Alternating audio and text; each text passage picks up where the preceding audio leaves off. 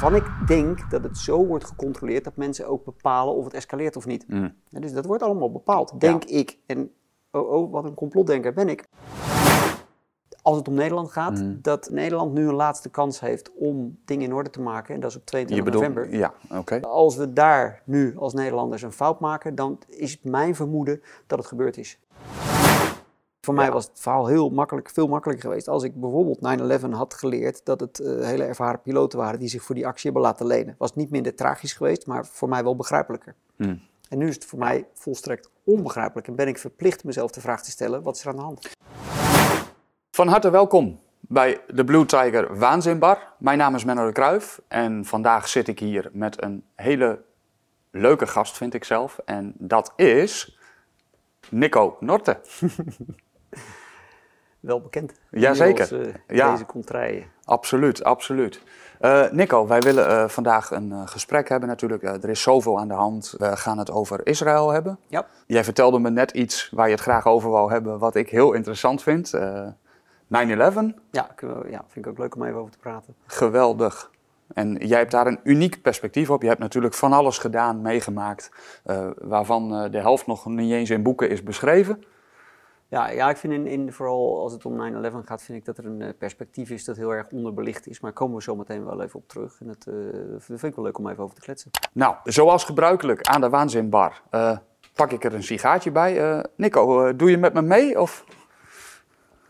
Nee, ik doe niet mee met een sigaartje. Nee? Nee, ik heb mijn laatste sigaar gerookt in, in 2007. Ik vind trouwens, ik vind het onwijs lekker ruiken, die sigaren. Dus eh, steek hem alsjeblieft op. Ik vind, dat, eh, vind dat heerlijk. Maar ik, ik herinner me dat ik in eh, 2007, werd ik na een maand of tien, werd ik in eh, Afghanistan afgelost door een opvolger. Die, die kwam dat gebied in en die, die zou mijn officiële functie eh, overnemen. Daar maakte ik kennis mee. Die kwam naar me toe. Die zei, joh, er is iets vreemds aan de hand. Ik, eh, ik weet dat ik jou moet opvolgen en ik ben in Nederland gewaarschuwd dat ik vooral niet met je moest praten. Nou, dat is natuurlijk heel erg eigenaardig, want waar je nou vooral mee moet praten is natuurlijk degene die je opvolgt, want die kan je alle ins en outs geven van, van wat er wel en wat er niet speelt. Dus dat, dat was op zich al een hele rare opmerking. Maar hij zei, eh, ja, ik, ben gewaarschuwd om niet met je te praten, dus wat ik heb gedaan, ik heb twee sigaren gekocht en eh, als we nou vandaag of morgen even tijd hebben, gaan we lekker zitten, gaan we die sigaar oproken. Ja. En dan hoop ik dat je me alles gaat vertellen wat je hier weet, want ik wil natuurlijk wel met je praten. Die jongen was, vond ik ontzettend leuk dat hij dat deed. Was ook slim van hem. Hm. Maar toen zat ik wel aan die sigarenafspraak vast. En, en vroeger rookte ik wel eens een klein eh, tuitknakje of zo. Vond ik wel leuk. Ja. En eh, toen ben ik op een dag met hem met een jeepie eh, een stukje naar de schietbaan gereden. Zijn we gaan zitten. En dan zijn we gaan roken. Grote sigaar had hij mee- meegenomen. Hm. En ik deed heel stoer met hem mee. Maar het, het was een ongelooflijk sympathieke jongen. Dus ik, ik raakte een beetje gewoon in dat gesprek met hem. En, echt een ongelooflijk aardige vent. En ik zat niet op te letten. En, maar terwijl ik met hem aan het praten was, had ik echt het gevoel dat ik groen aan het worden was. En ik werd steeds, steeds, steeds enger en naarder. Wat ik natuurlijk Ja. ongeluk gedaan had, omdat ik geen sigarenroker ben. Was het af en toe een beetje van die rook had ik ingehaald. Over je longen, En, en, en eh. ik ben er... Maar ik durfde het weer niet tegen hem te zeggen, want ik vond het zo ongelooflijk sympathiek wat hij allemaal gedaan had. En ik Ja. wilde geen spelbreker zijn. Tot ik op een gegeven moment na een uur echt gewoon helemaal niet meer wist waar ik het zoeken moest van ellende. En elke keer als iemand nu zegt, wil je een sigaartje, associeer ik dat met dat verhaal. En dan denk ik bij mezelf, ja, ja eigenlijk wel leuk, maar nou, laat Doe maar even niet. Ik wil niet ooit weer eh, zo ellendig worden van een... eh, Nou. van een- Het is eigenlijk jammer, want eh, ja, jullie hebben hele mooie sigaren liggen hier. Ik zou, ik zou het leuk vinden om mee te doen, maar ik, ik, ik, pas. Je durft het niet meer aan. Het nieuws van de Blauwe Tijger. We hebben natuurlijk het boek van de afgelopen week. Dat is Van Waarheid tot Wook van ehm bisschop Rob Mutsaars. Rob Mutsaars is eh bisschop of hulpbisschop in het bisdom Den Bosch. 65 jaar. Zijn, eh, niet zijn eerste boek, zijn... Nou, eh, hij heeft er zeker al drie eerder geschreven, Menno, toch? Ja, vervent blogger in ieder geval. En, Jezus kon niet voetballen, zoiets ja, was een ook, leuk... En ja. blogger, ja, paarse pepers of rode pepers, ik weet het niet. Groene pepers. Groene pepers. Het zal wel, maar eh, dat blog dat eh, vindt u ook wel ergens. En dan dit boek over eh, ja, het begrip waarheid. En dan komen er grote filosofen voorbij die daar iets over zeggen. Van Plato tot en met Augustinus, Thomas van Aquino, et cetera. Maar ook natuurlijk hele leuke bespiegelingen over, over die tijdgeest en over woke in de kerk. Over die rare synode die nu in Rome aan de gang is. Over die rare paus die daar nu zit al jarenlang. Rare dingen die gezegd en gedaan worden in eh, Rome. En in eh, heel veel andere gebieden van de katholieke kerk en verder buiten. Want daarbuiten is het natuurlijk nog gekker. Daar gaan we het vandaag ook over hebben. En eh, we hebben natuurlijk ook niemand in de cockpit. Wel bij ons, maar niet op gebied van de stikstofagenda. Thierry Baudet en Liedewij de Vos, nummer 1 en 6 van de kiezerslijst van Forum voor Democratie voor de verkiezingen van 22 november. Hebben samen een boek geschreven over, een, uh, over de stikstof, uh, onzin, waanzin, et cetera. En de waanzin gaat diep. Dat, uh, dat hebben we wel gezien afgelopen ja. week toen, uh, toen we hier met Liedewij en Thierry in gesprek zijn geweest in de studio aan tafel. En met Nico Norten natuurlijk, die daar uh, zijn zegje over gedaan heeft, want die heeft dat boek uitgeplozen. Die moet u zeker even terugkijken als u dat nog niet gedaan heeft. Of gewoon een boek lezen, want dan ziet u de waanzin en hoe ver die gaat en hoe ongelooflijk stuurloos dat hele debat is. Jouw rol in Afghanistan was inlichtingenofficier. Mm -hmm. En uh, jij werd dus overgenomen en vanuit de legerleiding, vanuit de legertop, werd er gezegd, uh, met die man moet je niet praten. Nou, het is niet, niet per se vanuit de legertop, je moet het net iets lager zien. Er zijn natuurlijk uh, bataljons die elkaar afwisselen. in, die, in die, normaal gesproken dienen jongens daar vier maanden. Een bataljon komt daar binnen, dient vier maanden, gaat weer weg. Nou, ik diende een stuk langer en ik was ook al voor die missie naar Afghanistan gegaan. Kijk, die legertop die, die was wel in orde, die begreep het wel. Maar daaronder zijn natuurlijk regionen waar het allemaal iets anders toe gaat. Daar, daar is dan die rare roddel en achterklap speelt daar een rol. En ik heb mijn rol heel eigen ingevuld daar. Ik, ik heb een, een taakomschrijving gekregen die ik nogal ruim heb uh, opge, mm. opgepakt. En uh, nou, daar waren veel mensen in de lagere regionen juist niet zo van gecharmeerd. Want die, die, die, die zijn heel erg uh, praktisch en dit is mijn taak en niks meer en niks minder. En ja. dat doe ik. En om vijf uur naar huis, liefst om vier uur. Nou, dat is, zit er niet in in Afghanistan. Maar waren heel, gewoon, ja, op de een of andere manier is daar een, een rare angst gecreëerd om, om vooral bij mij uit de buurt te blijven. In plaats van te zeggen, joh, ga nou naar die gozer toe, want dan kunnen we, die zit er al tien maanden, daar kan je veel van leren. Ja. En dat, dat, dat, het is wel een fout natuurlijk van de hogere echelons. Die hadden dat moeten afdwingen om te zeggen van, nee, hey, wacht eventjes. Iedereen moet met die man praten. Nou was ja. dat over het algemeen wel uh, de, de, de, de insteek van de meeste mensen die binnenkwamen. Die, mm. die, kwamen ook wel gelijk naar mij toe. Maar dat er zo actief was gewaarschuwd van blijf bij hem weg, daar schrok ik zelf een beetje van. Ja. En die jongen pakte dat gelukkig uh, ongelooflijk leuk op en, en uh, op, op een hele volwassen manier. En dat... Maar die wou natuurlijk ook weten enigszins hoe de vork in de stil zat en wat, die, wat hem te wachten stond, neem ik aan. Ja, dat, Want uh, even om een klein beetje uit te wijden daarover. Jouw taak uh, heb jij als inlichtingenofficier heb jij eigenlijk persoonlijk opgepakt. Mm -hmm. En jij hebt dat ook een eigen invulling gegeven, mag ik dat zo zeggen? Ja. Uh, en dat hield eigenlijk in dat jij bent op eigen initiatief het land ingegaan om met de mensen, met de lokale militie uh, ja. en andere mensen te gaan praten. Ja, je had natuurlijk een schat aan kennis vergaard in die tijd dat jij daar was, uh, die jij door kon geven. En je wist precies hoe de lijnen liepen. Je had contacten ook daar, hè, heel veel. Dus ja. voor zo'n jongen uh, zou dat natuurlijk ook essentieel zijn uh, als, als hij daar moet gaan dienen. Dat, jij hebt zoveel kennis die voor hem essentieel is, neem ik aan. Ja, nou, het was, kijk, ik heb gewoon uh, een hele gelukkige omstandigheid gehad. Ik kwam daar voordat de, de, troepen daar aankwamen. Ik had daar toestemming voor gevraagd. Ik moest mee in een opwerktraject om, om uh, ons klaar te stomen om op 1 augustus 2006 daar te zijn. Hmm. Nou, dat opwerktraject, daar moest ik een beetje om lachen. Dat vond ik niet heel erg realistisch. Ik had natuurlijk voor die tijd al heel veel in, in dergelijke landen geopereerd. Dus ik, ik wist dat de manier waarop getraind wordt om daar op te treden. Nou, daar heb ik Kun je al een aantal bij. noemen? Hm? In dergelijke landen, zei je? Welke? Afghanistan zelf, maar uh, in Irak ben ik geweest. En uh, het hele Midden-Oosten heel veel rondgezworven. Okay. Ook natuurlijk, uh, waar we het nu zo meteen over gaan hebben, Israël, daar was ik goed bekend in die, in die contraien. Ik, ik, was niet, het, het, ja, het is niet helemaal Midden-Oosten, maar Koerdistan ben ik veel geweest. Dus dat, waar het om gaat, ik heb heel veel in Afrika gewerkt, maar ja. het is niet zozeer uh, ervaring in exact zo'n gebied, maar waar het daar in dat soort gebieden altijd om gaat, dat je uh, gewend moet zijn aan omgaan met mensen die er een hele andere cultuur op nahouden. En dat is toch blijkbaar iets dat je moet leren om daarvoor open te staan en je daar ook volledig voor open te stellen en, en, en daar goed mee om te gaan. Als je, dat, als, je dat, als je dat leert en als je dat kunt, ja. kun je feitelijk in al die gebieden best goed opereren. Ja. En, het nadeel is dat bijvoorbeeld militairen die naar een dergelijk gebied toe gaan, die worden altijd op een bepaalde manier toch angstig gemaakt, bang gemaakt. Ik zag dat ook in dat voorwerktraject waar heel veel werd geoefend, uh, bijvoorbeeld de verplaatsing van A naar B. En dan halverwege die verplaatsing kwamen er uh, andere militairen in witte lakens gehuld uh, uit de bossen rennen. Die vielen dan zo'n peloton aan. En ik vind dat geen juiste benadering van feiten, want daarmee, punt 1 zijn dat drills die troepen al moeten kennen. Dus het, uh, waar het ook gebeurt, maar je moet weten wat je moet doen op het moment dat je aangevallen wordt. En je rijdt in een peloton en er wordt vuur uitgebracht. Die drills die, die horen standaard te zijn. En als je dat dan gaat oefenen op zo'n manier met mensen in witte lakenschuld die Taliban verbeelden, dan ga je toch ook iets kweken bij mensen, wat ik vind dat niet goed is. Het is ook volgens mij nogal een uh, behoorlijk stigmatiserend, of ja, niet? Ja, dan moet je denken met een... Met een ik, ik begrijp wel dat dat zo gebeurt en dat dat vijandbeeld op die manier, maar... Het, het, ja, ik, ik maar er het, wordt wel uh, een bepaald vijandbeeld gecreëerd. Uh, nou, weet je, gelukkig liep daar niemand in een wit pak, dus dat... dat in de, nou. dus, dus, dus, dus, zo erg was dat dan niet. Alleen, ik, ik, ik zag dat niet op die manier zitten, dus ik heb een verzoek Ja. ingediend van mag ik alvast daar naartoe. Dat verzoek is goedgekeurd, dus ik ben met één officier daar naartoe gegaan. Die officier die ging zich in het kamp, wat al gebouwd werd. Er, werd dus een, een, er stond een heel mooi uh, militair uh, kamp met tenten. Ja. En daar bivakkeerden Amerikanen in. Ja. En Nederlandse genisten, dat zijn dus de bouwers van het leger, mm. die waren dat kamp aan het ombouwen in een compleet gepantserde stad. Want Ja. dat was een voorwaarde die uh, de overheid gesteld had, geloof ik, in Nederland. Dat Nederlandse militairen volledig onder panzer veilig in een kamp zouden zitten. Hm. Nou, daar had ik ook wat bedenkingen bij. Uh, los daarvan liepen alle aanvoerlijnen die liepen slecht. Dus die genisten hadden eigenlijk uh, helemaal niks te doen. Die waren daar aan het zonnebaden en aan het doen. Konden zij niks aan doen, want die, die, die, die aanvoerlijnen liepen gewoon niet. Dus ze Nee. konden niet verder. Maar goed, die waren die gepantserde stad aan het bouwen. Mijn collega die, uh, ging zich verdiepen in alle documenten die er waren. Dus die ging rapporten lezen van de Amerikanen.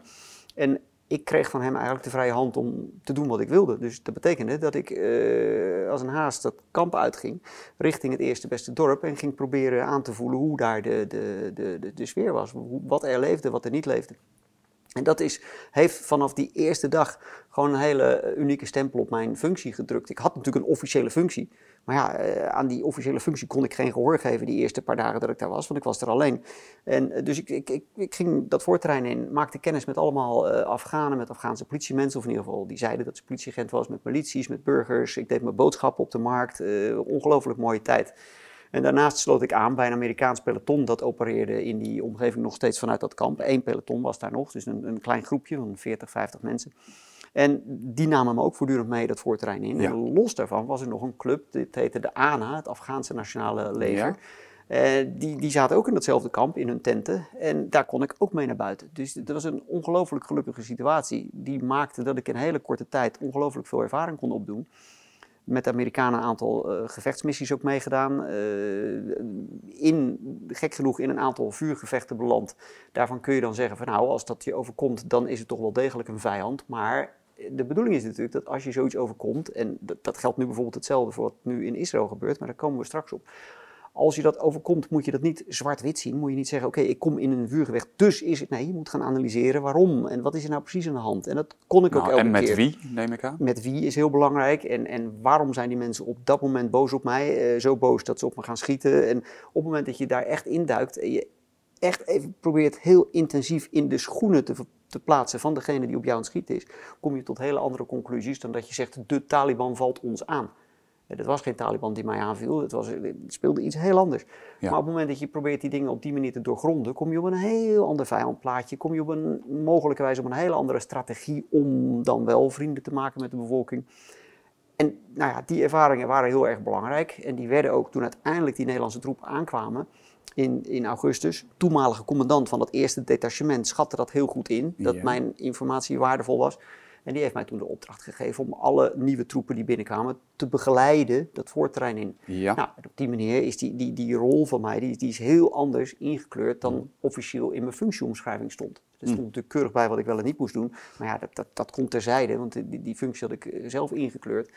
En toen die eerste commandant wegging met zijn uh, bataljon, heb ik gezegd, joh, nou heb ik inmiddels zes maanden ervaring, is het niet doodzonde dat ik met jou mee naar huis ga? Ja. Kun je niet voor mij een goed woordje doen bij Hooghand en mij hier laten blijven? Jij Maar wou dat, daar eh, ook graag zijn. Ach man, ik had, daar, eh, ja, ik had er wel willen wonen. Ja, eh, ik vond het geweldig. Ja, maar je hebt dit allemaal beschreven in jouw boek Onvoorspelbare Verleden. Um, en wat ik hier, om toch even naar de huidige situatie uh, een brugje te maken. Uh, daar was het dus heel erg diffuus wie nu eigenlijk de vijand was. Ja. Dat beschrijf je ook. Ja. En dat er ook allerlei seizoenen speelden met dingen die... Drugs. ja, dat... Maar dat is nu natuurlijk in Israël niet het geval. Of um, wel? Ja, of ik zie- wat, eh, hè, want eh, we gaan hem dan toch even naar... ja, nee, eh, dat, dat, dat, dat- dat- we zouden er ook over. Ik zie hele erge eh, parallellen. En ik heb heel erg natuurlijk sinds het is gebeurd, mijn telefoon begon eh, op, op eh, zaterdagmorgen al te, te, te rinkelen met, met eh, berichten uit die eh contrain. Ik ken daar mensen. uit Jij hebt daar nog veel contacten? Ja, ja, ja. Ja. En een aantal van die mensen die, die, die belden ook. En ik had een, ik had, we hebben het over, eerder over, zo'n raar eh 9-11 sentiment. Dat Ja. je dus ook later precies weet waar je was. En zo'n Pim Fortuyn moment, dat je ook nog weet van... Ja. er- er- er- Er gingen allerlei bellen rinkelen in mijn hoofd van er is, dit is niet in orde. En toen ben ik eens gaan piekeren over wat ik, wat ik eigenlijk nog weet van Israël. En het, het grappige is, de rare kronkels altijd in mijn hoofd, maar kijk, dat conflict is niet van gisteren. Nee. Duizenden jaren geleden hebben die Romeinen uiteindelijk die Joodse mensen uit dat gebied verjaagd. Daar is, Palestinië is daar overgebleven, waar Palestijnen zijn blijven wonen. Joodse mensen hebben zich over de hele wereld verspreid. Eh, die hebben overal wat eh, weerstand ondervonden. Dat noemen we de antisemitisme, dat weet iedereen. Dat is ook niet, niet raar. Al in eh, ergens rond 1900 is er een meneer geweest, een Oostenrijkse Joodse meneer in Oostenrijk. Als ik het, Herzl heette die, mijn Theodor Herzl. Ja. Maar pin me niet vast op die namen. Nee?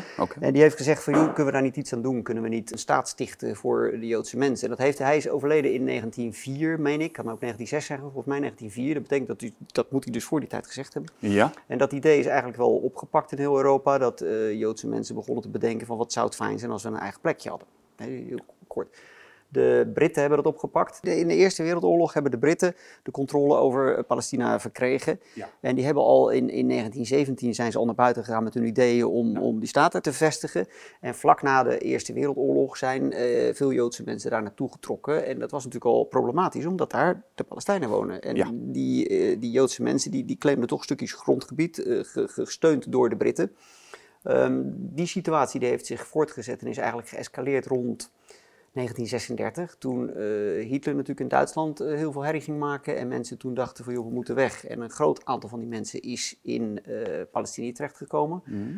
Toen is daar ook, want het stond nog steeds onder Britse heerschappij, is een burgeroorlog uitgebroken. Of een burger, een opstand eigenlijk moet je zeggen, van de Palestijnse mensen. En die opstand heeft een jaar of drie geduurd. Spoorlijnen werden aangevallen, er, gebeurde van alles. En die Britten hebben dat toch weten te settelen. Na de Tweede Wereldoorlog zijn natuurlijk nog meer mensen naar dat gebied gekomen, Joodse mensen.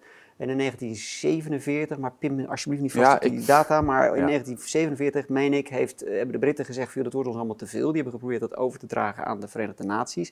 En eigenlijk kort daarop, volgens mij was het 15 mei 1948, eh, is de onafhankelijke staat Israël uitgeroepen. En dat leidde onmiddellijk tot een oorlog met eh, nabijgelegen Arabische landen. Ja. En die Israëli's wisten dat toch te winnen. Ehm, toen is het eigenlijk van 1949 tot 1967 relatief rustig geweest. En toen is die Zesdaagse Oorlog uitgebroken in 1967. Die heeft eigenlijk weinig veranderd, behalve dat die Israëli eigenlijk nog meer gebied eh, hebben ge- geannexeerd. Ja. En één ding vergeet ik te zeggen. In 1947, volgens mij, is er door de VN een plan neergelegd om het gebied niet eh, een gemengd gebied te laten zijn tussen Palestijnen en Israëli, maar een gescheiden gebied. Dus toen is al eigenlijk gevestigd de Gazastrook, de westelijke Jordaan-oever, met de Ja. problematiek omdat Jeruzalem in die westelijke Jordaan-oever ligt. ja. En de gebieden waren al gescheiden. En de- er is uiteindelijk die eh, Zesdaagse Oorlog geweest. En in die oorlog hebben, eh, heeft, hebben de Israëliën een grotere claim op die bezette gebieden gelegd. Ze hebben ook in Syrië die Golanvlakte bezet. En de, hele, de kaarten zijn toch wel enigszins eh, herschud. In 1964, als ik het goed heb, is de PLO opgericht. De Ja. Palestijnse onafhankelijkheidsbeweging. Ja. En eh, die werd natuurlijk niet erkend door de Israëli, maar werd, eh, de, de PLO erkende natuurlijk ook Israël niet als onafhankelijke staat. Ja. En nou, er is heel veel gerommel geweest alweer tussen die mensen. Dat heeft uiteindelijk geleid tot het Oslo-akkoord, meen ik, in 1993. En tijdens dat Oslo-akkoord hebben die twee partijen gezegd van nou, we willen dan wel elkaar accepteren. En sindsdien is het nog steeds gemodder, want het gaat eh, niet allemaal, eh, het is geen koekenij, dus het blijft allemaal gerommel, aanslagen, eh, er- er gebeurt van alles. Ja. En dat is nu uitgemond en in, in, in wat er nu aan het gebeuren is. Maar waar ik, wat eigenlijk zo frappant is, is dat geschiedenis is, en wetenschap als zodanig, is iets heel griezeligs geworden. En wat ik daarmee bedoel te zeggen is dat wij weten bijvoorbeeld dat eh, in het jaar 69, laat ik er een jaar naast zitten, Mhm. is de Bataafse opstand uitgebroken. Ja. Zo, punt. Noem nog eens zo eens wat. eh, als je naar aardrijkskunde gaat, eh, ja, de, de Rijn stroomt bij Lobit Nederland binnen. Oké, prima. Als je dat kan reproduceren, dat soort shit, dan, dan ben je slim. ja. Ja, als je dat heel goed kan reproduceren, dan eh, krijg je een voldoende voor je repetitie op de lagere school. En als je die maar vaak genoeg hebt, dan mag je uiteindelijk zelfs eh, naar het VWO. Ja. En eh, dat vind ik een hele foute benadering van zaken. En dat betekent namelijk dat als we. En ik heb er net, eigenlijk een beetje expres, heb ik dan allemaal jaartaltjes genoemd. Ja. Ik had er wel een bedoeling mee om dat te zeggen. Ja. Want dat zou dus suggereren van, oh, maar die, die kent zijn zaken. Nou, die, die, die mag dan verder in deze maatschappij en die mag zelfs misschien studeren. Daarmee kom je eh, wetenschappelijk op heel glad ijs terecht. Want je krijgt, creëert een soort wetenschap waarbij dingen zijn. En dat is bullshit. Want het is namelijk totaal niet interessant of die Bataafse opstand nou in 1969 is begonnen of dat die tien jaar later begonnen zou zijn. Het jongetje dat in de klas zijn vinger opsteekt en zegt van joh, hoe is het nou mogelijk, eh, waarom kwam Willem Barens in 1598 op Nova Zembla terecht? Die stelt een hele slimme vraag, maar krijgt wel een draai om zijn oren, want de juf of de meester zegt, ah, ah Willem Barens kwam in 19 in 1596 eh, daar terecht. Als je dat doorvoert, kom je uiteindelijk in een situatie terecht die we onlangs achter de rug hebben. Dat er dus wordt gezegd van, joh, de wetenschap raadt een eh, medische ingreep aan, want die is eh, effectief en eh, veilig. ja. Terwijl de wetenschap dat helemaal niet mag zeggen. De wetenschap mag maar één ding zeggen. Die hoort het te bevragen. Is het effectief en veilig? En Ja. dat moet die wetenschap 30, 40, 50 jaar blijven doen. En je ziet het natuurlijk op alle vlakken. Op het Ja. moment dat Graham Hancock, eh, de, de, de, de, de archeoloog, naar buiten komt eh, met, een, met, een, met een nieuw concept mogelijkerwijs op eh, hoe de mensheid zich heeft gevormd en wat er is gebeurd, dan krijgt hij een draai om zijn oren. Want alles wat die man mag doen, is een paar jaartallen reproduceren. En als hij denkt van nou, voorstelt dat het misschien wel eens anders zou kunnen zijn met die jaartallen, krijgt hij in zijn oren. Ik vind het een, een, een ongelofelijke foute manier van de geschiedenis benaderen. En als je dat nu koppelt aan. je- er is zo'n zo'n uitspraak, ik denk dat die uit het, uit het kamp komt van de Hegeliaanse eh, dialectiek, die zegt van eh, conflicten creëren geschiedenis. En daaruit volgt dan de redenatie dat iemand die de conflicten controleert, die maakt de geschiedenis. Ik denk dat we daar, eh, dat dat een aspect is dat we heel goed in het oog moeten houden. En je moet, denk ik, je heel erg elke keer maar die vraag stellen, waarom kwamen die Batavi- Batavieren, of die Bataven, hoe je noemen wil, in het jaar 69 in opstand? Dat is een belangrijke vraag. Ja. En, en niet het feit dat dat gebeurde. En Nee. waar ik nu bang voor ben, is dat je eh, straks in het jaar 2050 eh, leeft en dat we dan gaan zeggen, in eh 2023 was er een opstand vanuit de Gazastrook waarbij eh, ik denk dat het belangrijker is om nu ons te gaan afvragen, en ik heb wel het gevoel dat de wereld langzaam daar wel eh, die kant op gaat, waarom in godsnaam gebeurt dit? Ja. En Ja. als je dan bijvoorbeeld, eh, Tom heeft daar een goed boek over geschreven, het boek Ja. heet Permafrost. En wat hij eigenlijk beargumenteert in dat boek, en dat vind ik heel eh, bijzonder en ik vind het eigenlijk heel erg dat dat in de geschiedenis helemaal niet belicht wordt.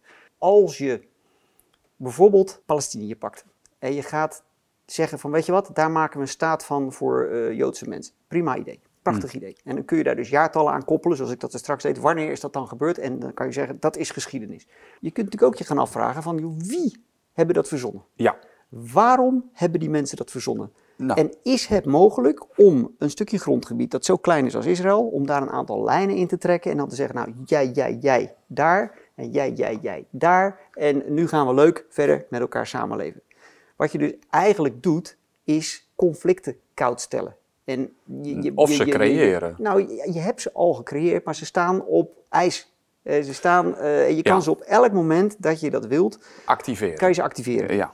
En dat is mijn gevoel, en gelukkig sta ik daar niet helemaal alleen in. Dat is het gevoel dat heel veel mensen hebben, dat dit zo'n typisch voorbeeld is. Maar als je bijvoorbeeld Permafrost leest van, eh, van Tom, dan gaan zelfs voor mensen die zich daarin verdiepen, vallen toch de schellen van je ogen. Van, van oh wacht eens eventjes, dat zou dus daar ook gebeurd kunnen zijn. En daar ook, en daar ook, en daar ook. Goed, dan moet je dat boek even lezen. Ja, ja, ja. En even lezen, dat, is een, een, dat gaat niet. Je hebt even tijd nodig. Maar het, is, het, het, het punt is, wat er nu in Israël gebeurt, vind ik zo'n typisch voorbeeld daarvan. Dat er gewoon al in 1917 een, een, een, een probleem al is gemaakt.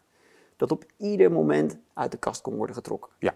Wat er nu bijvoorbeeld gebeurt, uh, er speelt nu als reactie op wat uh, Hamas gedaan heeft samen met uh, Hezbollah in het noorden, speelt er die, die, die operatie Swords of Iron. Mag ik je even daarin, dan gaan we daar straks op verder, Swords of Iron, dan pakken we hem daar weer op. Ik heb het hier natuurlijk met Tom ook over gehad en een paar dingen zijn wel, het begon natuurlijk met het feit dat de Rothschilds, die hebben grote delen grond opgekocht hè, in dat, en toen stelden wij ook de vraag, Waarom hebben ze dat daar gedaan? En niet bijvoorbeeld ergens in de Midwest in Amerika.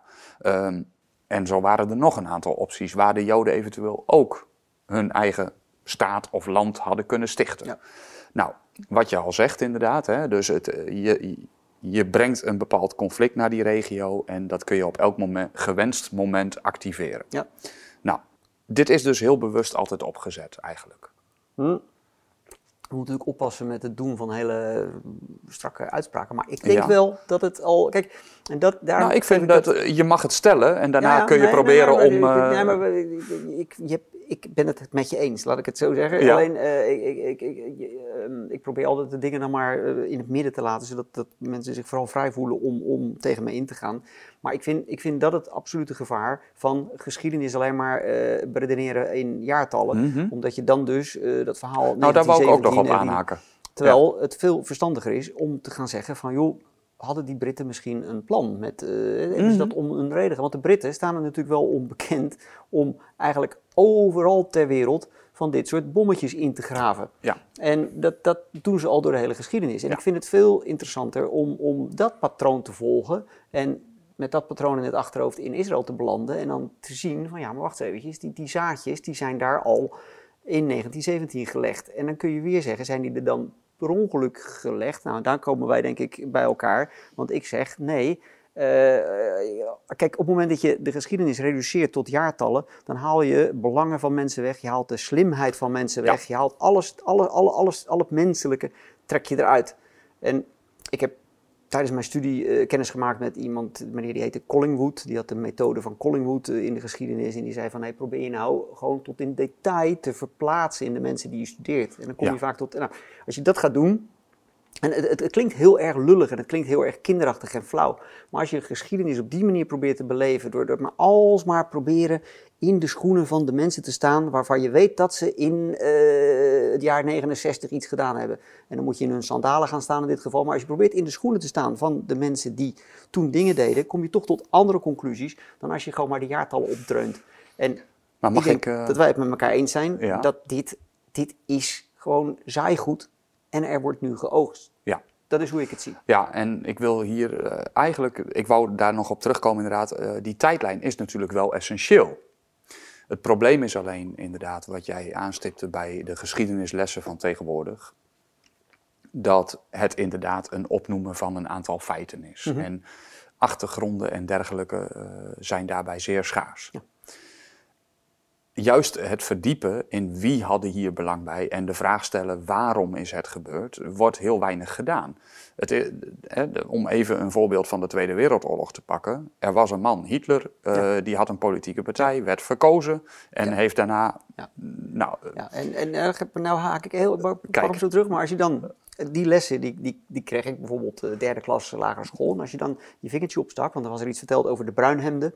En dan zat ik te rekenen van, nou, dat waren er best veel. En dan stak ik mijn vinger op en dan zei ik, maar hoe, hoe, hoe betaalde die meneer dan zijn bruinhemden? En dan kreeg je draai je oren en dan gingen we verder met de jaartallen. Terwijl ik dat een hele, ik bedoel, oké, acht jaar oud, dan kan je niet, ben je nog niet zo verstandig. Maar vond het niet een echt een domme vraag van mezelf. Van, nee. van, van, joh, Wat was het economische model? Uh, dat ja. is dus de vraag die ik gesteld zou hebben als ik tien jaar ouder was geweest. Ja. En, uh, en daar wordt niet op ingegaan. Nee. Maar op het moment dat je op die vraag ingaat, en dus probeert jezelf voor te stellen dat je een bruin hemd bent en je dus dat hemd aan staat te trekken, dan volgt daaruit vanzelf de vraag van oké, okay, wie betaalde dat? Hoe ben ik georganiseerd? Uh, hoe ben ik geworven hiervoor? Waar komt mijn ideologie vandaan? Enfin, er komen duizend vragen ineens bij je binnen die de geschiedenis in een ander licht kunnen plaatsen. Oké, maar dat was een kleine aanvulling eigenlijk op jouw eerdere betoog. En ik had nog een paar vragen daarbij.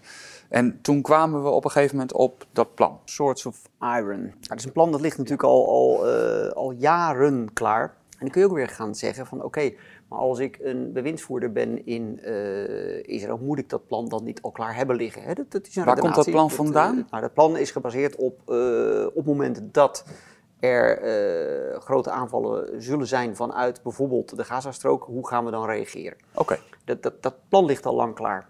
En alle gevoel die je krijgt bij wat hier nu gebeurt, dat ziet me allemaal niet lekker. En dat duidt heel erg op het uitspelen nu, het, het ontdooien van zo'n bevroren padstelling. Oké. En daarvoor denk ik dat als je, als, je, als je nu wil gaan je daarin verdiepen, dan moet je je niet primair de vraag stellen: oké, op welke datum is het gebeurd en laat ik die datum onthouden, want dat is belangrijk. Want als ik niet weet op welke datum het is gebeurd, ben ik een dommer. Nee, probeer je nou eens af te vragen waar de belangen zijn en, en, en wie zou dit geïnstigeerd kunnen hebben. Ja. En nou klinkt dat als een hele domme complottheorie-achtige opmerking, maar daar ga je weer. Probeer nou toch eens te gaan staan in de schoenen van die Palestijn. Je bent een Palestijn en je bent boos. Dat kan ik me voorstellen. Mhm. Hoewel de meeste mensen in die Gazastrook niet per se boos zijn. Maar Nee. je hoort tot Hamas, je bent gerecruiteerd, je bent boos en je bent van plan om eh, Israël schade toe te brengen. Ja. Oké, dat kan ik me allemaal voorstellen. Nou, je wil de ander pijn doen Ja, in je wil principe. die dat mensen is je, eh, schade ja. toebrengen op, op een zo groot mogelijke manier. Nou, er staan je allerlei middelen tot je beschikking. Maar om dan daar vandaan de stap te maken tot het afvuren van 3000 raketten. En die aantallen lopen een beetje uiteen. De Israëli's zijn iets conservatiever in hun aantallen dan de, de, de mensen van Hamas. Dat, die stap is te groot. Probeer rond te lopen in Gaza als Palestijn. Hoe Ben jij kom ik aan die geweest? raketten? Ja. Ja. Dus jij, Dus- weet, eh, jij kent de situatie daar. Nou, weet je, ik ken die situatie. eh, ik ken hem eigenlijk best goed. Maar Ja. eh, je moet ervan uitgaan dat de Mista Averim, de, de Israëlische Special Forces, die dan weer allerlei onderorganisaties hebben. De, de, de, de, de Yassam, die hoort dan weer iets meer bij de politie. Maar je hebt toch Doef, Doef, Doef Devan. Dat is een, een, een gespecialiseerde groep militairen die opereert in burger in die bezette gebieden. Ja. Eh, die mensen weten alles. Er komt niet een mus Israël binnen zonder dat mensen dat weten. Nou, is. Of er, Gaza binnen. eh, of Gaza binnen. Er wordt niet heen en, weer gereisd zonder via dat... eh, Egypte bijvoorbeeld? er, is, er, er is geen kans van slagen om de streken uit te halen zonder dat de Israëlische overheid ervan op de hoogte is.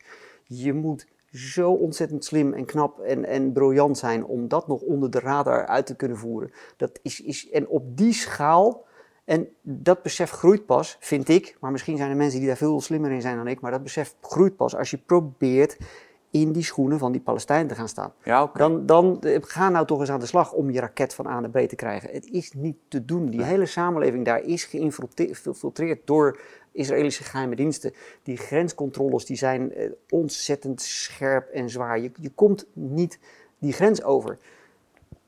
Israëlische troepen, IDF wordt het meestal afgekort in Ja. de Israëli Defense Israëli Force. Defense Forces, De, ja. ehm, die zijn teruggetrokken een aantal dagen voor deze operatie en hebben zich zijn naar de, de Westbank teruggetrokken. En dat Ja. is, dat is, dat, Was bedoel, er dan dreiging vanuit Hezbollah of andere... de- er zou een dreiging aan die kant zijn geweest en relatieve rust aan de. Aan de en dat is, dat is hoe je het. En hoe graag ik het ook wil geloven, het Ja. is voor mij gewoon niet geloofwaardig. En, en, en de mensen die mij op zaterdagochtend hebben eh, gebeld, die belden me ook met, met die boodschap van er klopt iets niet. Nou, er klopt ook iets niet. Je kunt daar niet bewegen zonder dat de Mossad daarvan op de hoogte is. Eh, die, Mistavarim, die groeperingen zijn daarvan op de hoogte. Als je op die grote schaal wil opereren, hoe je het ook aanpakt, het is onmogelijk zonder dat Israëli daar wind van krijgen. En dat leidt tot de hele nare conclusie, waar je wel heel voorzichtig mee moet zijn, dat dus de Israëlische overheid hier een groen licht voor gegeven heeft. Nou, op het moment dat we dat gaan accepteren, dan komen we in een hele nare discussie terecht. Want we zullen ons dan de vraag moeten stellen, waarom? Van wie heeft dan de Israëlische overheid weer eh mogelijkerwijs instructies ontvangen? Eh, wat is hier aan de hand? Eén ding is voor mij zeker. Het is niet zo dat een aantal Hamas-leiders aan de thee hebben gezeten en hebben gezegd van... eh, joh, laten we de 50-jarige verjaardag van Yom Kippur pakken... en laten we op dat moment eens eventjes eh, grof eh, losgaan.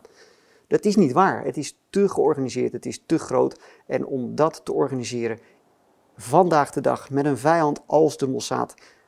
jongens, dat is... Dat is, dat is Dit is inderdaad de grote vraag. Hè? Van de Israëli's. Jij, jij zegt eigenlijk van er is geen kans dat ze het niet wisten. Die is nou ja, eh, zo goed als nieuw. Maar dan blijven er wel een aantal andere vragen hangen. Hoe kwamen die goederen in Gaza? Uh, en hoe hebben ze dit kunnen organiseren? Want dit was een grootschalige aanval. Met een aantal duizenden, later aantallen dan, nou ja, uh, maar aantal duizenden raketten. Uh, meer dan duizend strijders, heb ik begrepen. Die, die al geïnfiltreerd waren in Israël. Hebben gedeeltelijk aangevallen. Ja. Ze hebben 29 grensposten overlopen. Dit, ja. dit, dit is grootscheeps georganiseerd. En als je dan, en ik blijf daar op hameren, misschien heel flauw, maar als je dan gaat proberen in die schoenen te staan van die Palestijn, geef mij een plan. Maar wat was dan het. Kijk, want dat is waar ik dan op blijf haken. Mhm. Als Hamas dit doet, mhm. welke reactie, wat, wat bereiken ze daarmee? Nou, wat ze ermee bereiken is. In principe, je weet als je zo'n aanval doet en je maakt dusdanig veel slachtoffers, mhm. dat dit, dit roept een tegenreactie op. Daar, wat was het nut voor Hamas van deze aanval? Nou, of moeten we daar niet. Nee, daar gaan we de exact de goede vragen stellen. En je moet dan, die vraag is gewoon de perfecte vraag waar je over moet buigen. En dan kom ik snel tot de conclusie, te snel, want we moeten daar natuurlijk veel langer over praten, dat Hamas hierin is aangestuurd. En je moet je dan dus de vraag stellen wie dat gedaan heeft. En mijn mening is dat dat niet Hamas zelf is geweest. Die wapens die zijn daar binnen gesmokkeld. Die zijn misschien wel, uh, dat is eigenlijk de meest logische oplossing, dwars door Israël daar naartoe gekomen. Want een andere optie, die, die, die bestaat. Uh, maar uh, dat kan alleen maar als daar grotere machten achter zitten. Dat zijn niet drie, vier uh, Hamas-smokkelaars geweest die daar los zijn gegaan en die over een tijd van zoveel jaar dat bij elkaar gesmokkeld hebben. Je moet ook nog, als je dus weer je verplaatst in die Palestijn, gaan, of die Hamas-strijder, gaan redden met die raket. Die moet je ergens opstellen, die moet je richten op een doel. Die moet je, je dit, dit, dit, dat, dit kan niet. Dit is een voorbereide actie. En een van de uh, mogelijke doelstellingen zou kunnen zijn, en dat de reacties die er ook weer wereldwijd zijn, die geven mij te denken dat ik daar mogelijkerwijs gelijk in heb. Maar een van de reacties zou dus gewoon kunnen zijn om een ongelooflijk tumult in de wereld te creëren. Wat ik niet weet, misschien is het wel gebeurd, maar ik vraag me af of er op uh, nee, of 11 september uh, 2001 een Amerikaanse vlag is gehesen op het bordes van Stadhuis in Amsterdam. Ik weet dat niet, ik was er niet bij, ik heb dat nooit nagekeken. Ik weet niet of het gebeurd is. Ik twijfel of dat gebeurd is.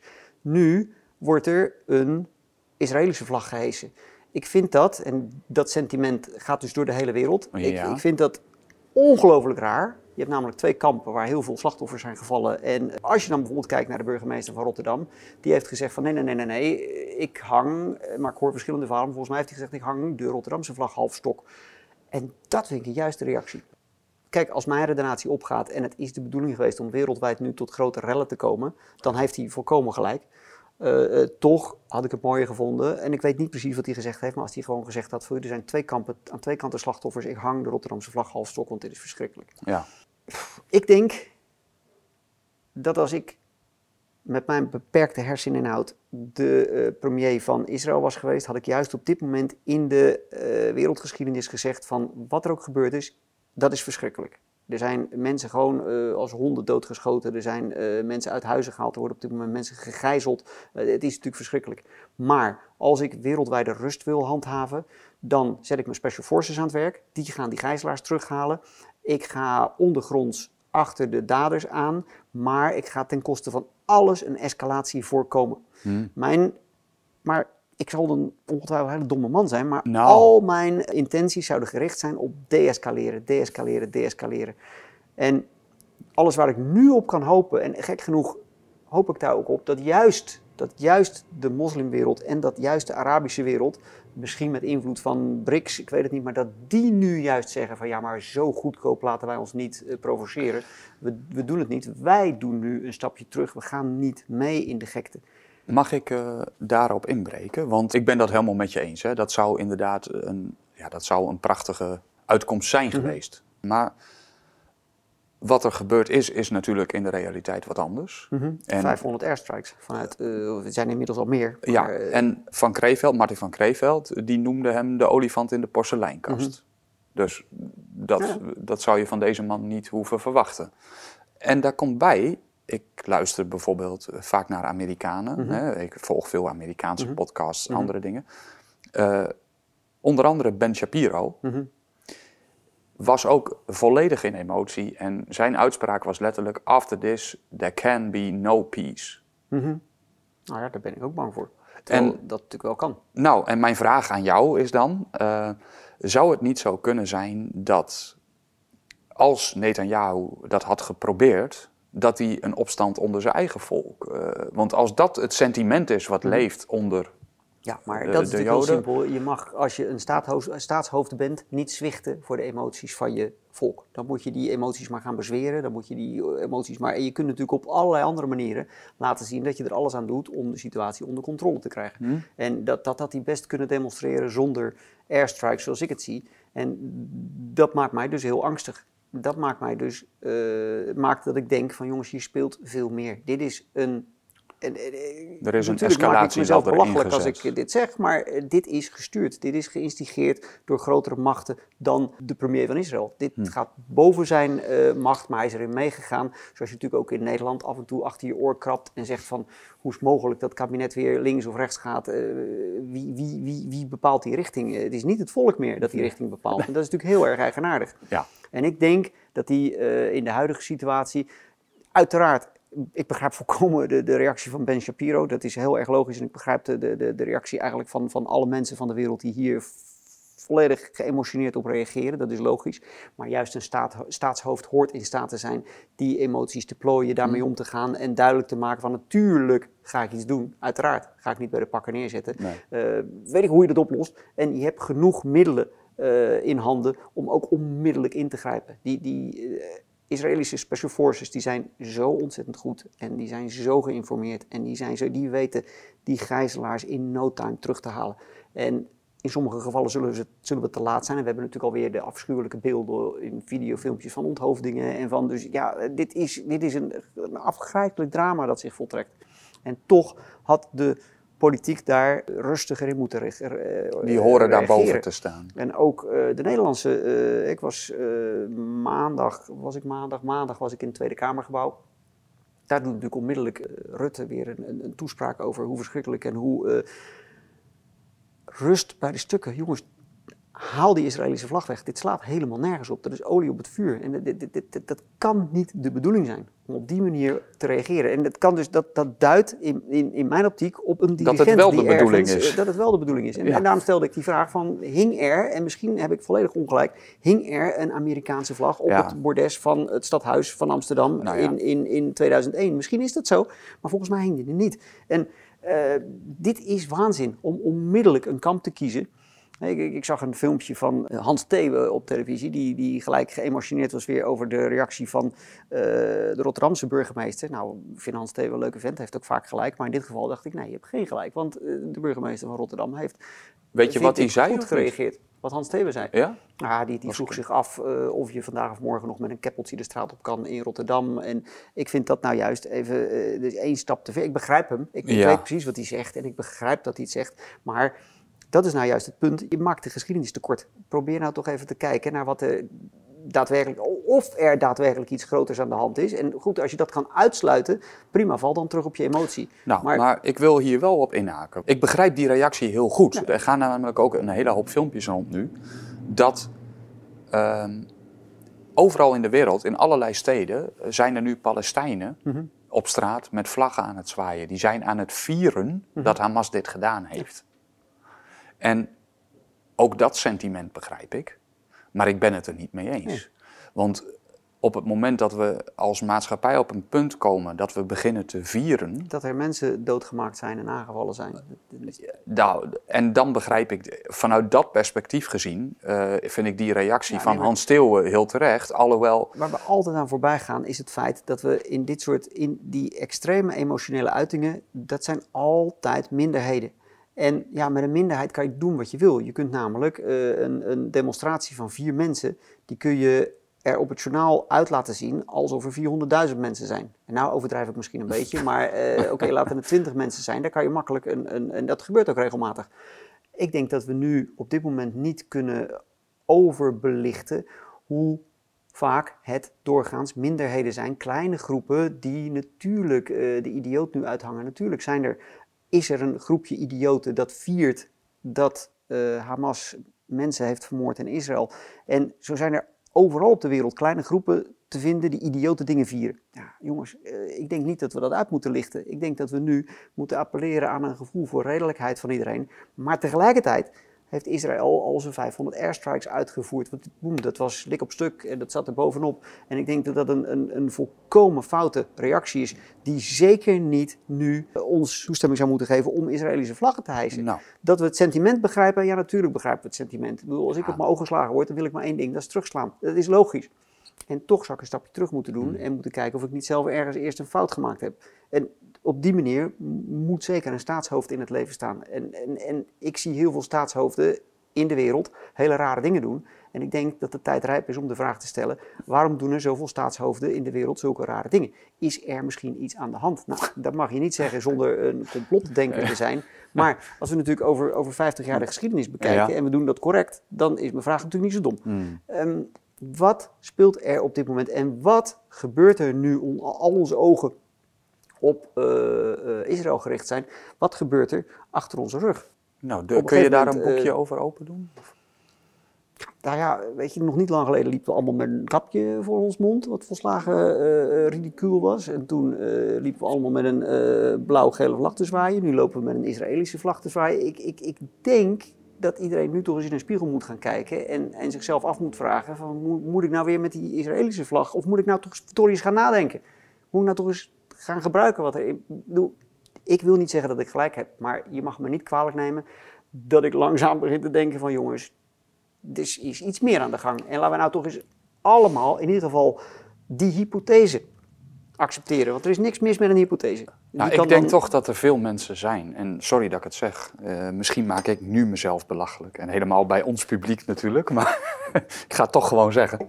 Eh, ik denk dat er daadwerkelijk een hele hoop mensen zijn die het toch allemaal als, eh, ja, als op zichzelf staande gevallen zien. Ja, nou dan... dan, dan Dat het toevallige gebeurtenissen zijn waar wij Ja. op dienen te reageren. Ja, nou dan, dan denk ik dat toch de methode Collingwood heel goed gaat werken. Probeer dan, als je dat denkt, en zeg het dan tegen niemand. Doe het s'avonds als je in je bed ligt en niet in slaap kan vallen. Maar probeer nou toch in de schoenen te gaan staan van die Palestijn. Ga gewoon bedenken, ik ben een Palestijn en ik leef in Gaza. En probeer die straat een beetje voor te stellen en probeer dat leven voor te stellen. En oké, je wil je woede ventileren en je gaat aan de slag. Lukt het je met alle vrienden die je hebt binnen Hamas, waar je lid van geworden bent, om die aanval uit te voeren tegen die vijand. Gaat dat lukken? Denk ik dat je heel snel tot de conclusie komt, als je echt je best doet, en dat hoef je dan tegen niemand te zeggen, maar ik denk toch dat je tot de conclusie komt dat dat niet kan. Wat is er dan wel aan de hand? Wie bood de helpende hand? Eh, waarom zijn die, eh, is die IDF weggetrokken van eh, de grens met Gaza? Eh, hoe kan het dat in dat gebied zomaar 22 dorpen worden geïnfiltreerd door Hamas-strijders? Dat 29 eh, grensposten worden overlopen? Hoe is dat mogelijk? En als je daar een keer geweest bent en je bent een keer door zo'n controlepost gereden, dan weet je dat het, dat het een beetje een wonderlijk verhaal is. Eh, Probeer nou toch, stel jezelf meer vragen dan alleen maar dat jaartal, 7 oktober 2023. Eh, Er is meer aan de hand. Ja. En, en laat ik ongelijk hebben, maar het is niet dom om wel de vraag te stellen: is er nou toch iets meer aan de hand? En gebeurt er niet op dit moment achter ons rug iets? Is het niet zo dat de wereld toch nu weer, hè, Oekraïne is langzaam. Ik heb al eh, tijdens dat hele Oekraïne-conflict, wat natuurlijk een krankzinnig conflict is, als Duitsland morgen besluit om Luxemburg aan te vallen, dan ben je een volslagen idioot als je dan Luxemburg gaat bewapenen. Dan ben je niet goed bij je hoofd. En ook dat weer is precies zo'nzelfde verhaal. Er zijn toch te veel mensen die hebben geaccepteerd dat op 22 februari eh, 2022 de Russen Oekraïne zijn binnengevallen. Dat is niet slim om dat te doen. Je zult tenminste even terug moeten naar 2014 in de geschiedenis om te gaan kijken wat er toen is gebeurd. En je moet je daarin gaan verdiepen en je moet proberen een Oekraïne te zijn, je moet proberen een Rus te zijn. En dan moet je tot een conclusie komen en dan zie je dus dat die aanval natuurlijk niet zomaar er is geweest. Wij zijn die mensen gaan bewapenen. Wat is het resultaat? Er zijn inmiddels bijna een half miljoen jonge Rus- Ja. eh, Oekraïnse mensen dood. Iedere tank die wij daar naartoe sturen heeft een levensduur van 4, 5 of 6 dagen. En de bemanning van die tank is dood. Punt. Dat is wat we bewerkstelligen. En niets anders. Ik denk dat we voor wat dat betreft, voor dat soort dingen, wel langzaam ons hoofd uit het zand moeten gaan trekken.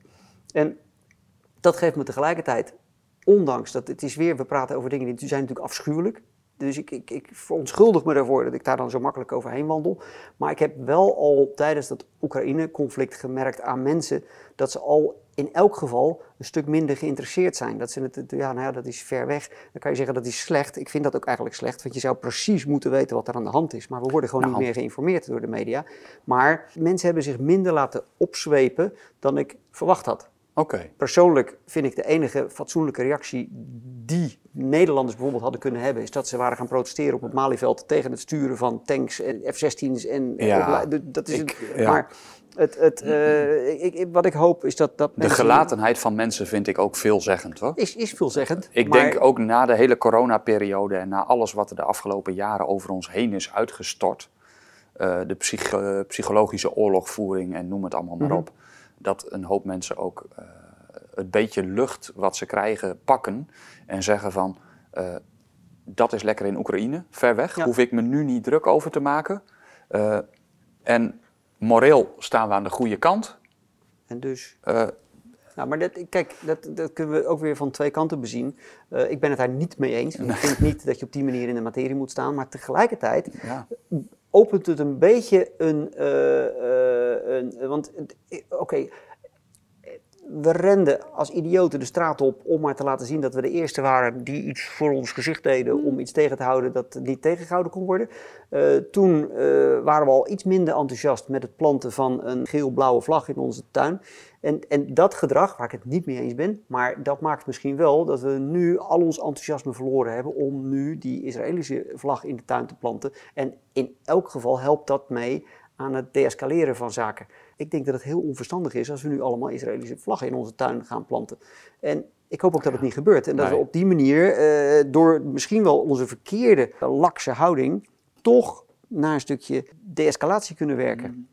Ik wil eigenlijk nog een beetje uh, inhaken. We hebben nu de hele situatie omschreven en dat is allemaal, denk ik, redelijk duidelijk. Mhm. Wat zijn dan wel de actoren die hiervoor verantwoordelijk zijn? Hè? Want uh, dan gaan we gewoon een, hapje, een stapje dieper.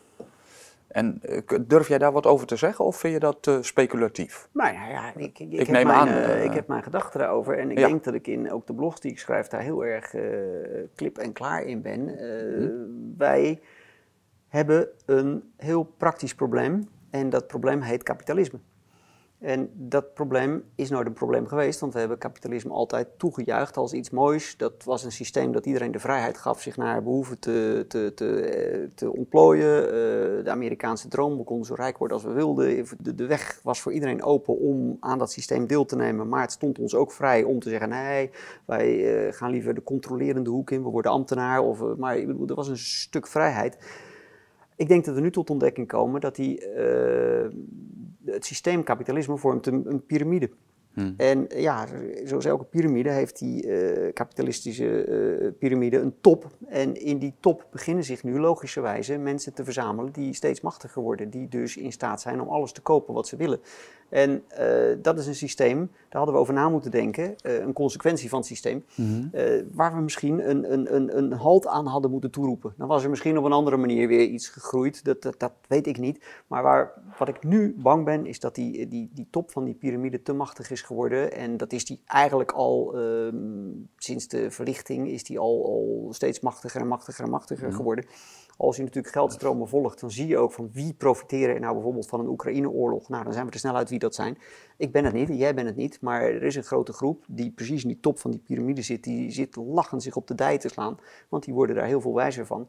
En ik denk, als we niet die groep mensen heel snel op de een of andere manier een halt toeroepen, dan uh, zijn wij verloren punt is namelijk dat we in een tijdperk leven dat er steeds meer dingen kunnen worden gaan ingezet die heel interessant lijken, maar die heel makkelijk zich tegen ons kunnen keren. En dan heb ik het natuurlijk over het digitaliseren van de samenleving.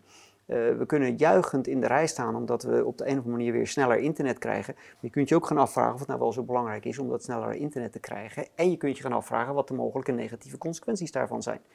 Um, je kunt je heel makkelijk neerleggen bij het feit dat het zo straks allemaal heel veel makkelijker wordt met je identificeren, met betalen. Met, en dat is natuurlijk het liberalisme. Ik heb er op dit moment ook geen enkel probleem mee. Hoor. Ik kan overal betalen, Nee, ik kan me overal Nee, heel dat- makkelijk nee, identificeren. Nee, maar dat, Eh, dat, dat is, daar wilde ik naartoe. Dat is het, het, het, het, het grappige. Als je dus, kijk, het woord liberalisme, dat klinkt heel erg fijn. Dat, dat, dat klinkt ons, weet je, liberalisme, oh, dat heeft iets met vrijheid te maken. Nou, geweldig, dat willen we natuurlijk allemaal, Ja. vrijheid.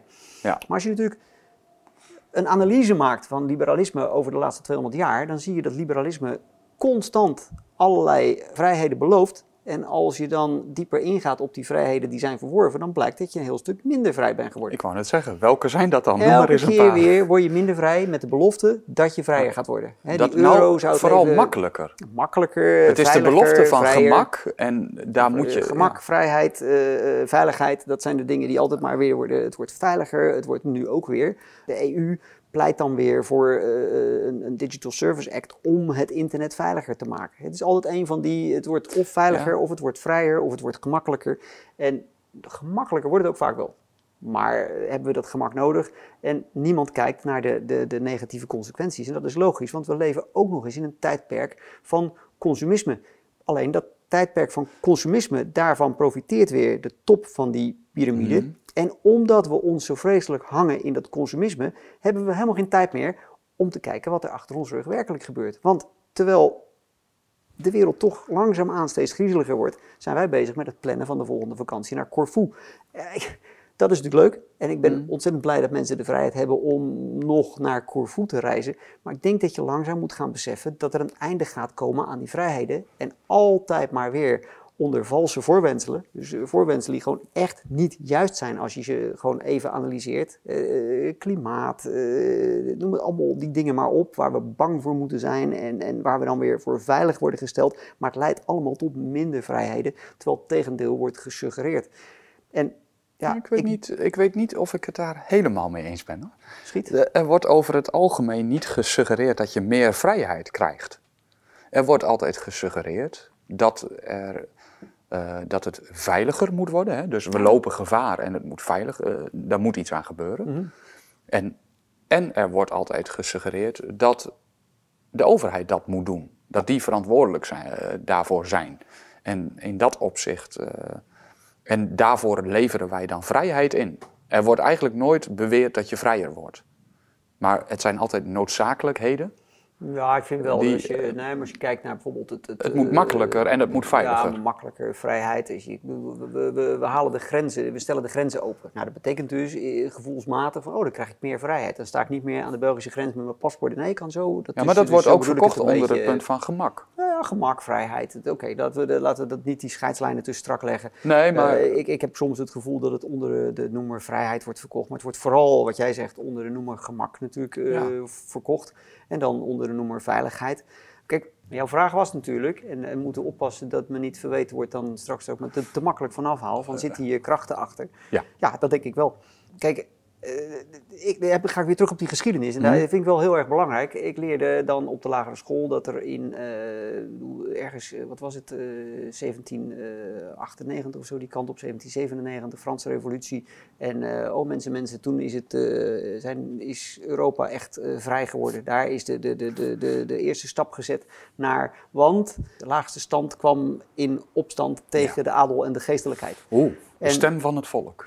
Ja, dat, dat is raar, want als je natuurlijk toen al eh, boeken las van mensen die dan niet toen geleefd hadden, maar mensen die, die, die, die net daarna leefden en over die tijd schreven, schreven, kwam je al heel snel tot de conclusie van, wacht eens eventjes, het was de bourgeoisie. Die wilden een opstand en meer macht. En die wilden die adel en die geestelijkheid eh, aan de kant schuiven om, om zelf meer eh, aanzien te krijgen en meer macht en meer... Dus dat, dat spelletje, en waarschijnlijk al daarvoor, want je natuurlijk die, die, die, die, die, die, die hele Romeinse samenleving, die stond bol van intriges en, en, en machtspelletjes. Ja. En, en, Ja, ja, ja. Dus de- dat is ook wel heel menselijk. Maar de geschiedenis leert ons dat het volk in opstand kwam. Nou, het volk kwam helemaal niet in opstand. Het volk werd, werd opgejut om zich te verzamelen op, op pleinen en, en, en om af en toe zich boos te maken.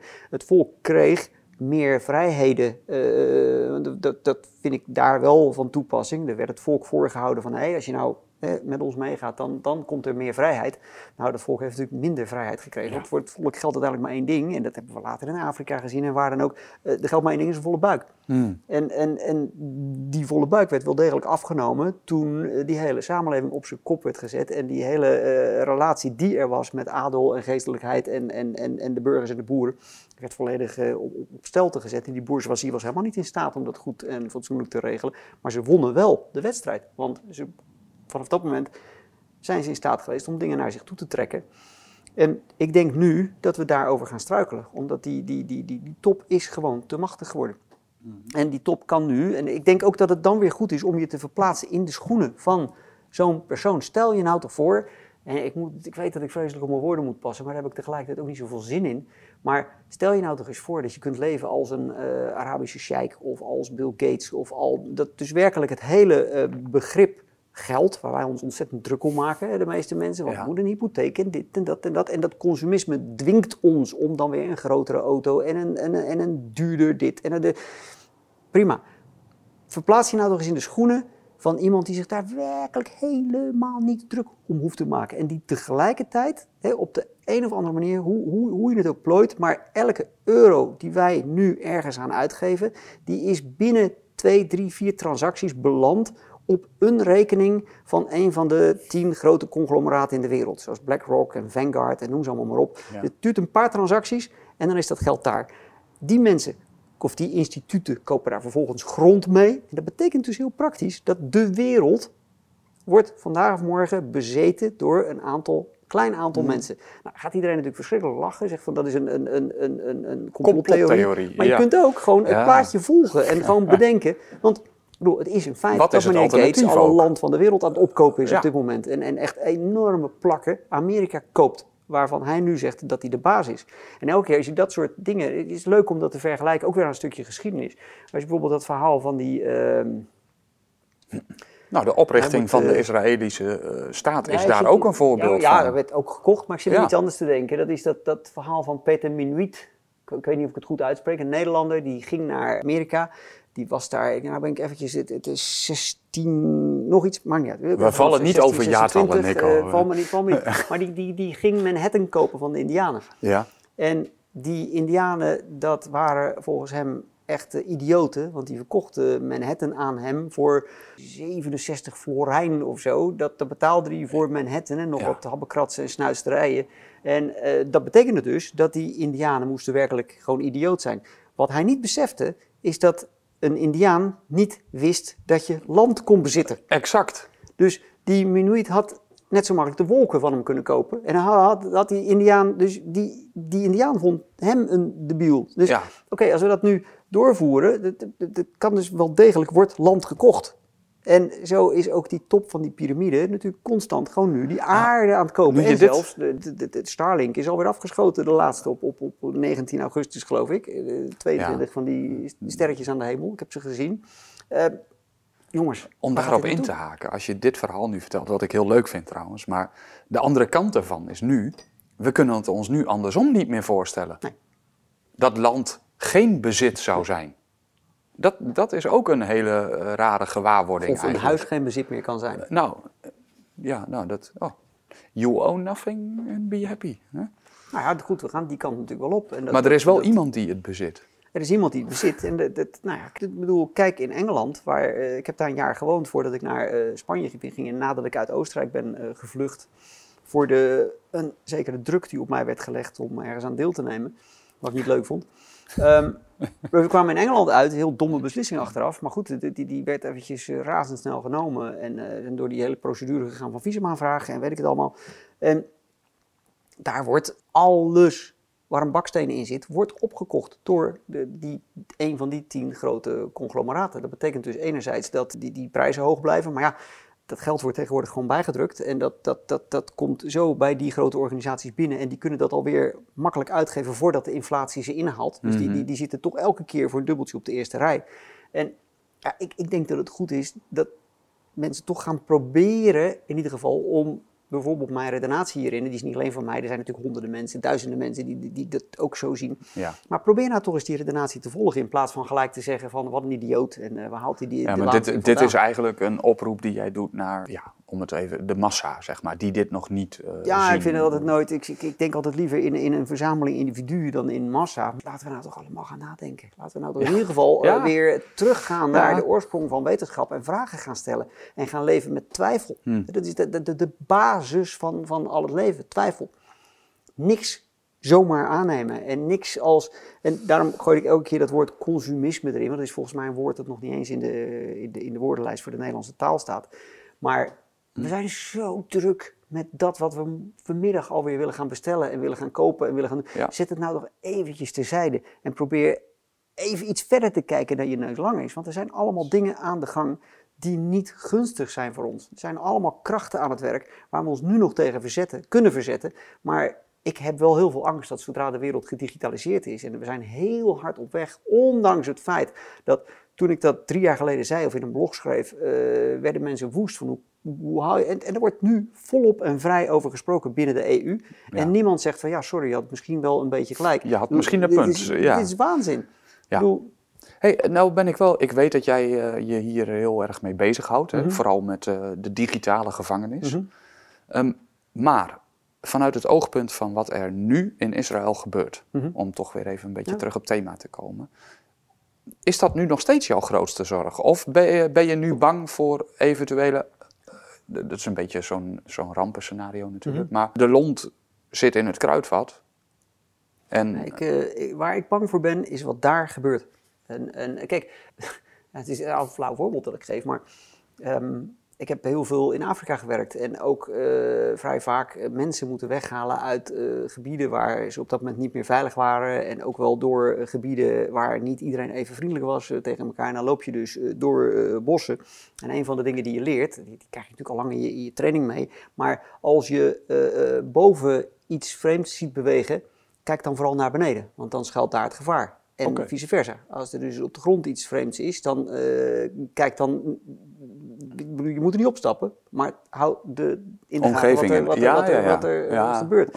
En dat is iets waar ik op dit moment eh, heel erg bang voor ben. Oké, de ogen op eh, COVID, de ogen op Oekraïne, de ogen nu op wat er gaat gebeuren in Israël. Waarvan ik denk dat het zo wordt gecontroleerd dat mensen ook bepalen of het escaleert of niet. Mm. Dus dat wordt allemaal bepaald, denk ik. En oh, oh, wat een complotdenker ben ik, maar dat is wat ik denk. Ah, Ehm, ik denk dat wij als mensen, jij gebruikt het woord massa, oké, als, als, als, als enorme verzameling individuele mensen, denk ik dat we er verstandig aan doen om eventjes niet naar Israël te kijken, ons daar heel verdrietig om te voelen. Dat is heel goed. En, en we mogen ook geëmotioneerd zijn, dat is ook heel goed, want emotie hoort bij het leven, is prachtig. Maar kijk even om je heen. Waar schuilt nu het gevaar? Er wordt de ene wet na de andere ingevoerd in Hmm. Nederland. Terwijl we eigenlijk de stilzwijgende afspraak hebben dat een demissionair eh, eh, kabinet geen eh, wet, wetten doorduwt. Alleen essentiële lopende zaken, geloof ik. Ja. aan de lopende band. En we hebben het niet in de gaten. Er is op de dag dat, en alsjeblieft pin me er niet op vast, want ik zie, de, ik zie het complot niet. Dat geloof ik echt niet. Maar op de dag dat er op de Erasmus Universiteit iets heel vervelends gebeurde, heeft de Nederlandse overheid de Pandemic Treaty en de amendments getekend. Dat is een stukje wetgeving dat levensgevaarlijk is voor onze vrijheid. We hebben namelijk zomaar onze volledige vrijheid overgedragen aan een supranationale organisatie die niet democratisch is gekozen. Mhm. En het is ongelooflijk stom wat we gedaan hebben. En als ik er iemand op aanspreek op straat, dan weet hij niet eens wat er gebeurd is. Mensen hebben geen benul wat er gaande is. Maar we moeten dus nu niet vergeten dat op het moment dat er ook maar iets een pandemie wordt genoemd, waarvan de regels al een paar jaar geleden heel erg zijn versoepeld. Dus als er iets een pandemie wordt genoemd, neemt de WHO de regie over ons leven over. En dat gaat nog een paar stappen verder. Die WHO heeft inmiddels ook het klimaat gekoppeld aan gezondheid. Dat Ja. betekent dus dat die WHO ook het recht heeft om nu bij wijze van spreken te zeggen van jongens, eh, de mensen in Nederland komen hun huis niet meer uit, want er is een klimaatprobleem en dat klimaatprobleem is gevaarlijk voor de gezondheid.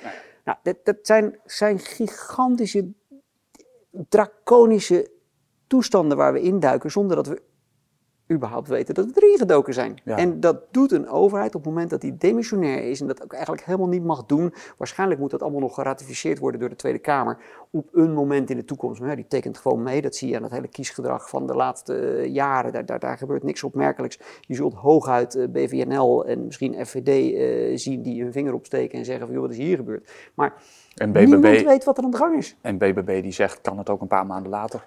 Maar Ja, Ja. in BBB heb ik geen enkel vertrouwen. Ik heb een, hele nare botsing met, eh, met die mevrouw Ja. gehad in de, in de Tweede Kamer. Ooit er zijn geen vrienden, geloof ik. En, en, en niet zozeer, want een botsing is leuk natuurlijk. Dat hou ik van. Dus eh, strijd. Maar deze Ja, maar dit was zo geen botsing, goedkoop en zo, zo laf. En, en, en absoluut jezelf verkopen als iemand met het hart op de juiste plek. En dat, dat vind ik een hele slechte eigenschap van eh, politici of van managers. Of van, van dat, dat, dat werkt zo niet. nee. Maar er gebeuren allerlei dingen achter ons rug. En ik denk dat we, dat we heel erg moeten, moeten oppassen om nu niet weer in, een, in bijvoorbeeld een tweede Oekraïne-valkuil te stappen of een tweede mondkapjesvalkuil en alleen maar daarmee bezig te zijn en niet waar te nemen wat er achter ons rug gebeurt. En ja, ben ik bang voor die, eh, voor die, voor die nieuwe wereld, voor die gedigitaliseerde wereld. Ik zal verder gaan. Ik denk dat als het om Nederland gaat, Mhm. dat Nederland nu een laatste kans heeft om dingen in orde te maken. En dat is op Je 22 bedoelt, november. ja, oké. Eh, als we daar nu als Nederlanders een fout maken, dan is het mijn vermoeden dat het gebeurd is. En de theorie van, nou, we gaan eens kijken hoe BBB het doet en hoe Hoekstra het doen. En, en, en als dat nou verkeerd gaat, dan gaan we over vier jaar, dan kunnen we altijd nog weer... Dat stadium is gepasseerd. Er Ja. zijn ontwikkelingen die nu van bovenaf deze maatschappij in worden gefilterd, die niets met politiek te maken hebben, die eh, zo ernstig zijn dat als we nu niet. Kijk, ik ben geen groot, dat laat ik ook in mijn boeken wel duidelijk merken. Ik ben niet zo'n super voorstander van eh, de democratie zoals die nu werkt. Als je die democratie analyseert over de, de honderden jaren, over de duizenden jaren dat die al bestaat, gaat het ook meestal mis. Ze hebben in Amerika een poging gedaan om van al die fouten te leren. Die founding fathers die hebben geprobeerd om, om, om alle fouten eh, uit het systeem te halen en een nieuw systeem neer te zetten. Dat werkte in- ten dele, zijn ze daarin geslaagd. Maar op het moment dat dat werd gestabiliseerd, werd neergezet, bestond er alweer dat kapitalistische systeem achter dat al die mensen die in het congres en in de senaat zaten, kon kopen. Want die hadden gewoon heel veel geld nodig om te komen waar ze nu zitten. Ja, wie had dat geld af? Dus je, je komt onmiddellijk alweer... Ja. Dus waar het om gaat, ik ben niet zo'n grote fan van democratie. En in mijn boek eh gooi ik dat elke keer naar voren, omdat wij nou eenmaal naar Afghanistan gingen om democratie eh, te brengen. En ik vind dat niet zo'n slim idee als je je, je, je zaken eh, zelf in je eigen land nog niet op orde hebt. Maar het grappige is wel, vind ik nu, dat juist dat systeem waar ik niet zo mee eens ben, ik zie dat niet zo zitten, maar die democratie, die is nu het systeem dat ons nog redden kan. Want als we nu op 22 november Ja. een aantal juiste keuzes maken, of de juiste keuze maken, dan, dan zou er nog een ommezwaai mogelijk zijn. Dan zou Nederland bijvoorbeeld, en, en Frankrijk kan dat ook weer op zijn eigen moment, en al die landen kunnen dat, maar dan zou er nog een, een, een, een weg zijn naar, denk ik, een betere toekomst dan de toekomst die, eh, die ons op dit moment is voorbeschoren. Denk ik. Kijk, ik zie het een beetje op een ander niveau. eh, maar de, de dingen die nu gebeuren in de wereld. eh. Ik denk eerlijk gezegd dat welke verkiezingsuitslag er in Nederland ook uitkomt, dat het niet zo heel veel meer uitmaakt. Eh, als je ziet welke krachten er nu ontketend zijn. Ja. En daarom, daarom stelde ik die vraag ook een beetje eigenlijk. Hè, van, ja, Nee, wat, eh, de- de- de- Denk je niet dat ons nu een groter gevaar boven het hoofd hangt dan het feit dat we misschien... Een, kijk, ik snap wel die hele digitale gevangenis. Hè, en dat, Mhm. Natuurlijk, ik zie dat ook als een dystopie. daar, daar hoeven we niet eh, verder over te discussiëren. Maar ja, ik zie op dit moment, met wat er nu gebeurt, zie ik ook wel eh, een ander gevaar. eh. kijk, eh, daar hebben Tom en ik het over gehad ook. Dat er zijn al een aantal momenten geweest tijdens de Koude Oorlog. En, eh, dat we heel dicht hebben gestaan bij een soort doomsday scenario. En we hebben het met Israël natuurlijk wel over een nucleaire macht. Ik, ik hou mijn hart wel een beetje vast op dit moment. Nou, ik Ja. hou mijn hart ook vast. En dat komt omdat je niet... eh, waarom ik mijn hart vasthoud, want ik wil geen definitieve uitspraken doen, dus ik praat voor mezelf. maar, ja, ja, ja, Maar waarom ik mijn hart vasthoud, is omdat ik gewoon nog niet goed de zicht heb op de agenda van de mensen die in die top van die piramide zitten. En het is mijn overtuiging dat die aan de touwtjes trekken. Die bepalen wat er gebeurt en wanneer het gebeurt en waarom het gebeurt. En eh, dat zijn ook mensen die kunnen zich ook heel makkelijk uh, vergissen. Ze hebben zich natuurlijk grandioos vergist, toch in het verloop van die Oekraïne-oorlog. Hebben ze zich kan, terwijl ze er natuurlijk niet slechter van worden, want nee. de, inkomsten blijven doorgaan, is allemaal geen probleem. Alle, alle NATO-wapenvoorraden, munitievoorraden zijn zo goed als op, die moeten aangevuld worden. Dus ze worden daar niet slechter van. Maar ze hebben zich er wel in vergist. Ze hebben zich absoluut vergist in de, de, de, de, de, de Rus voor de zoveelste keer in de geschiedenis. En in de, de opstelling van Poetin, die overigens heel erg terughoudend nog steeds is in alles. Zoals ik vind dat nu Israël had, had kunnen reageren. En we zijn natuurlijk allemaal van overtuigd dat hij de grote agressor is die daar allemaal verschrikkelijke dingen doet. Maar kijk even in het andere kamp, kijk even aan de andere kant van de lijn. Er gebeuren nog verschrikkelijkere dingen en die gebeurden al vanaf uh, 2014. Dus maar ik weet niet wat die mensen gaan doen. Ik weet niet wat die top van die piramide uh, gaat bepalen. Uh, dat ze volledig lak hebben aan de mensheid, dat, dat geloof ik wel. Dus dat ja. we geen schijn van kans hebben als zij beslissen om, om dat pad te kiezen. En nogmaals, iedereen zal zeggen van wat een rare complottheorie. Maar probeer nou toch gewoon in de schoenen te staan van iemand in die positie. En probeer dan eens gewoon oprecht denk dan niet van, nou, ik zou dan uh, al het openbaar vervoer in de wereld gratis maken. Dat, dat, dat jij dat zou doen, dat begrijp ik, zou ik ook doen. Dat is een hele mooie gedachte. Nee, maar als ik Bill Gates zou zijn met al mijn technieken, dan zou ik de, drie dagen later zou de hele wereld gratis openbaar vervoer hebben. En daarmee zou ik een hele goede bijdrage leveren aan uh, bijvoorbeeld het, het milieu. Want ik heb het gevoel dat Bill Gates enige andere belangen heeft. Oké, okay, dus, dus je moet niet op die manier erover nadenken. Je moet gewoon proberen je voor te stellen dat je die ongebreidelde macht hebt. Gewoon zo absolute vrijheid om gewoon de hele wereld uh, naar je hand te zetten. Dan word je benauwd in plaats van euforisch. Hm. Ja, als je, als je met, een, met een simpele visie in gaat staan, zo, oh, dan zou ik. Uh, nee, dat moet je even niet doen. Je moet gewoon. wat, wat als je daar nou al heel lang in leeft, in dat systeem. Ja, dus je hebt al lang, weet je dat je die, die, die, die, die dure auto, die heb je dan al een keer gekocht. En dat, dat lol is daar vanaf. Die zal je, ja, weet je, nee, dus dat, dat, is voorbij. Ja. Wat ga je dan doen? En dan, dan niet proberen bij jezelf te denken van nou, ik zou wel wat rijk. Nee, als je die, die extreme, puissante rijkdom hebt, hoe ga je dan in het leven staan? Hoe ga je dan naar de mensheid kijken? Ik denk dat we er heel erg voor moeten oppassen. Ah, voor de fout die zit in het kapitalistische systeem. Mm -hmm. Ik wou dat onderwerp een beetje afronden. Ja, uh, kijk, ik, blijven we erop hameren. Ja, ik denk dat dat... kijk, de, de feiten spreken in principe in dat opzicht ook voor zichzelf. Dat, uh, ja. We zien wat er gebeurt en we zien wat de mensen doen met ja. daadwerkelijk de middelen en uh, de macht. We weten voor een groot gedeelte, denk ik wel, welke kant dat opgaat. Dus ja. Voor ons niet te goed. Nee, daar is de mensheid zoals wij die kennen niet echt bij gebaat. Dat, dat durf ik wel te zeggen. Ja. Ik zei in het begin van het gesprek dat we het ook over 9-11 gingen hebben. Ja, ja, nou ja, dus dan ja, ga ja, ik, ik, ik, ja um, ik, ik, ik, ik, ik zei dat zelf ook, dat toen ik die belletjes kreeg op uh, afgelopen zaterdag morgens. Ja. Ik was onderweg naar Nederland en uh, we hadden de reis niet goed ingeschat. En dat betekent dat we ergens, uh, we stranden in een, in een dorpje en ik lag daar met mooiste herdershond uh, lekker te slapen. En uh, toen keek ik, uh, de beest had een nachtmerrie, dus die nachtmerrie die droomde, die begon met zijn pootjes te bewegen. Ik werd daar wakker van. En ik wilde weten hoe laat het was, keek op mijn telefoon, belletjes binnengekregen. En toen, van, je ziet die, die prefixen van die nummers. Ik had maar één WhatsAppje gekregen, maar verder een aantal telefoontjes. En dat vind ik op zich al raar, want mensen sturen me meestal een WhatsAppje. Mm. En als het niet een WhatsAppje is, dan, dan word ik al een beetje benauwd. Is het wat dringender vaak? Spreken. Um, dus ik, ik, ik, ik had gek genoeg dat, dat, dat 9-11 gevoel. En, en wat ik toen ook had. Toen zat ik, was ik in Los Angeles en uh, daar was ik aan het werken. En daar kreeg ik ineens berichten binnen van mensen. Ja, ik kijk nu naar de televisie en uh, hmm. allemaal eng. Maar we hebben natuurlijk over, over, ik vind dat, dat zei ik volgens mij aan toen we net gingen praten. Er zit een, een, een heel raar uh, onbelicht aspect in die aanvallen. En daarom vind ik het ook wel vergelijkbaar. Dat je dus uh, in Israël gebeurt iets waarvan ik denk dat is allemaal helemaal niet in orde. En dat gebeurde tijdens 9-11 ook. En mijn invalshoek is heel simpel. Um, dat gebied waar dat gebeurd is, daar heb ik ooit mijn uh, vlieglessen genomen. Ik Ja. wilde piloot worden en ik probeerde dat in Nederland. Dat, dat lukte niet, want die vliegenierswereld is nogal, eh, die beschermt zichzelf Mhm. nogal. Daar moet je een beetje bij kunnen horen. Dus ik, ik, ik vond dat allemaal niks. Ik wilde gewoon op mijn eigen snelheid zo, zo, zo snel mogelijk door mijn brevet heen. Dus ik ben naar Amerika uitgeweken. Ik dacht, weet je wel, als ik nou toch moet leren vliegen, kan ik dat bijvoorbeeld eh, in eh, Texas doen boven de woestijn. Maar leer ik dan vliegen of leer ik alleen maar een vliegtuig bestuur- besturen? Dus ik dacht, als ik nou naar New York ga, Ja. dan vlieg ik in het drukst bezette airspace van de wereld, zo ongeveer. Misschien is het ergens nog drukker, maar het is in ieder geval heel druk daar. Ehm, dus ik ga kijken of dat daar mogelijk is. Vond ik net buiten Manhattan, als je de Hudson oversteekt via de Washington Bridge, dan krijg je, kom je in Jersey terecht. En, en daar is een klein vliegveldje waar alle baseballteams en alle, alle eh, filmsterren gebruik van maken. Het heet Teterboro Airport. Ja. En daar vond ik een, een vliegschool. En daar heb ik me aangemeld. Ik gezegd, joh, ik wil hier graag eh, vlieglessen nemen. Dat was natuurlijk uit de kunst. In Amerika kan je dat helemaal zelf indelen. Je kan vliegen zoveel als je wil. Terwijl in Nederland wordt er dus gezegd, één uur per week is genoeg. Zeggen ze in Amerika, als jij acht uur per dag wil vliegen, is dat prima. Nou, dat Ja. kwam mij heel goed uit.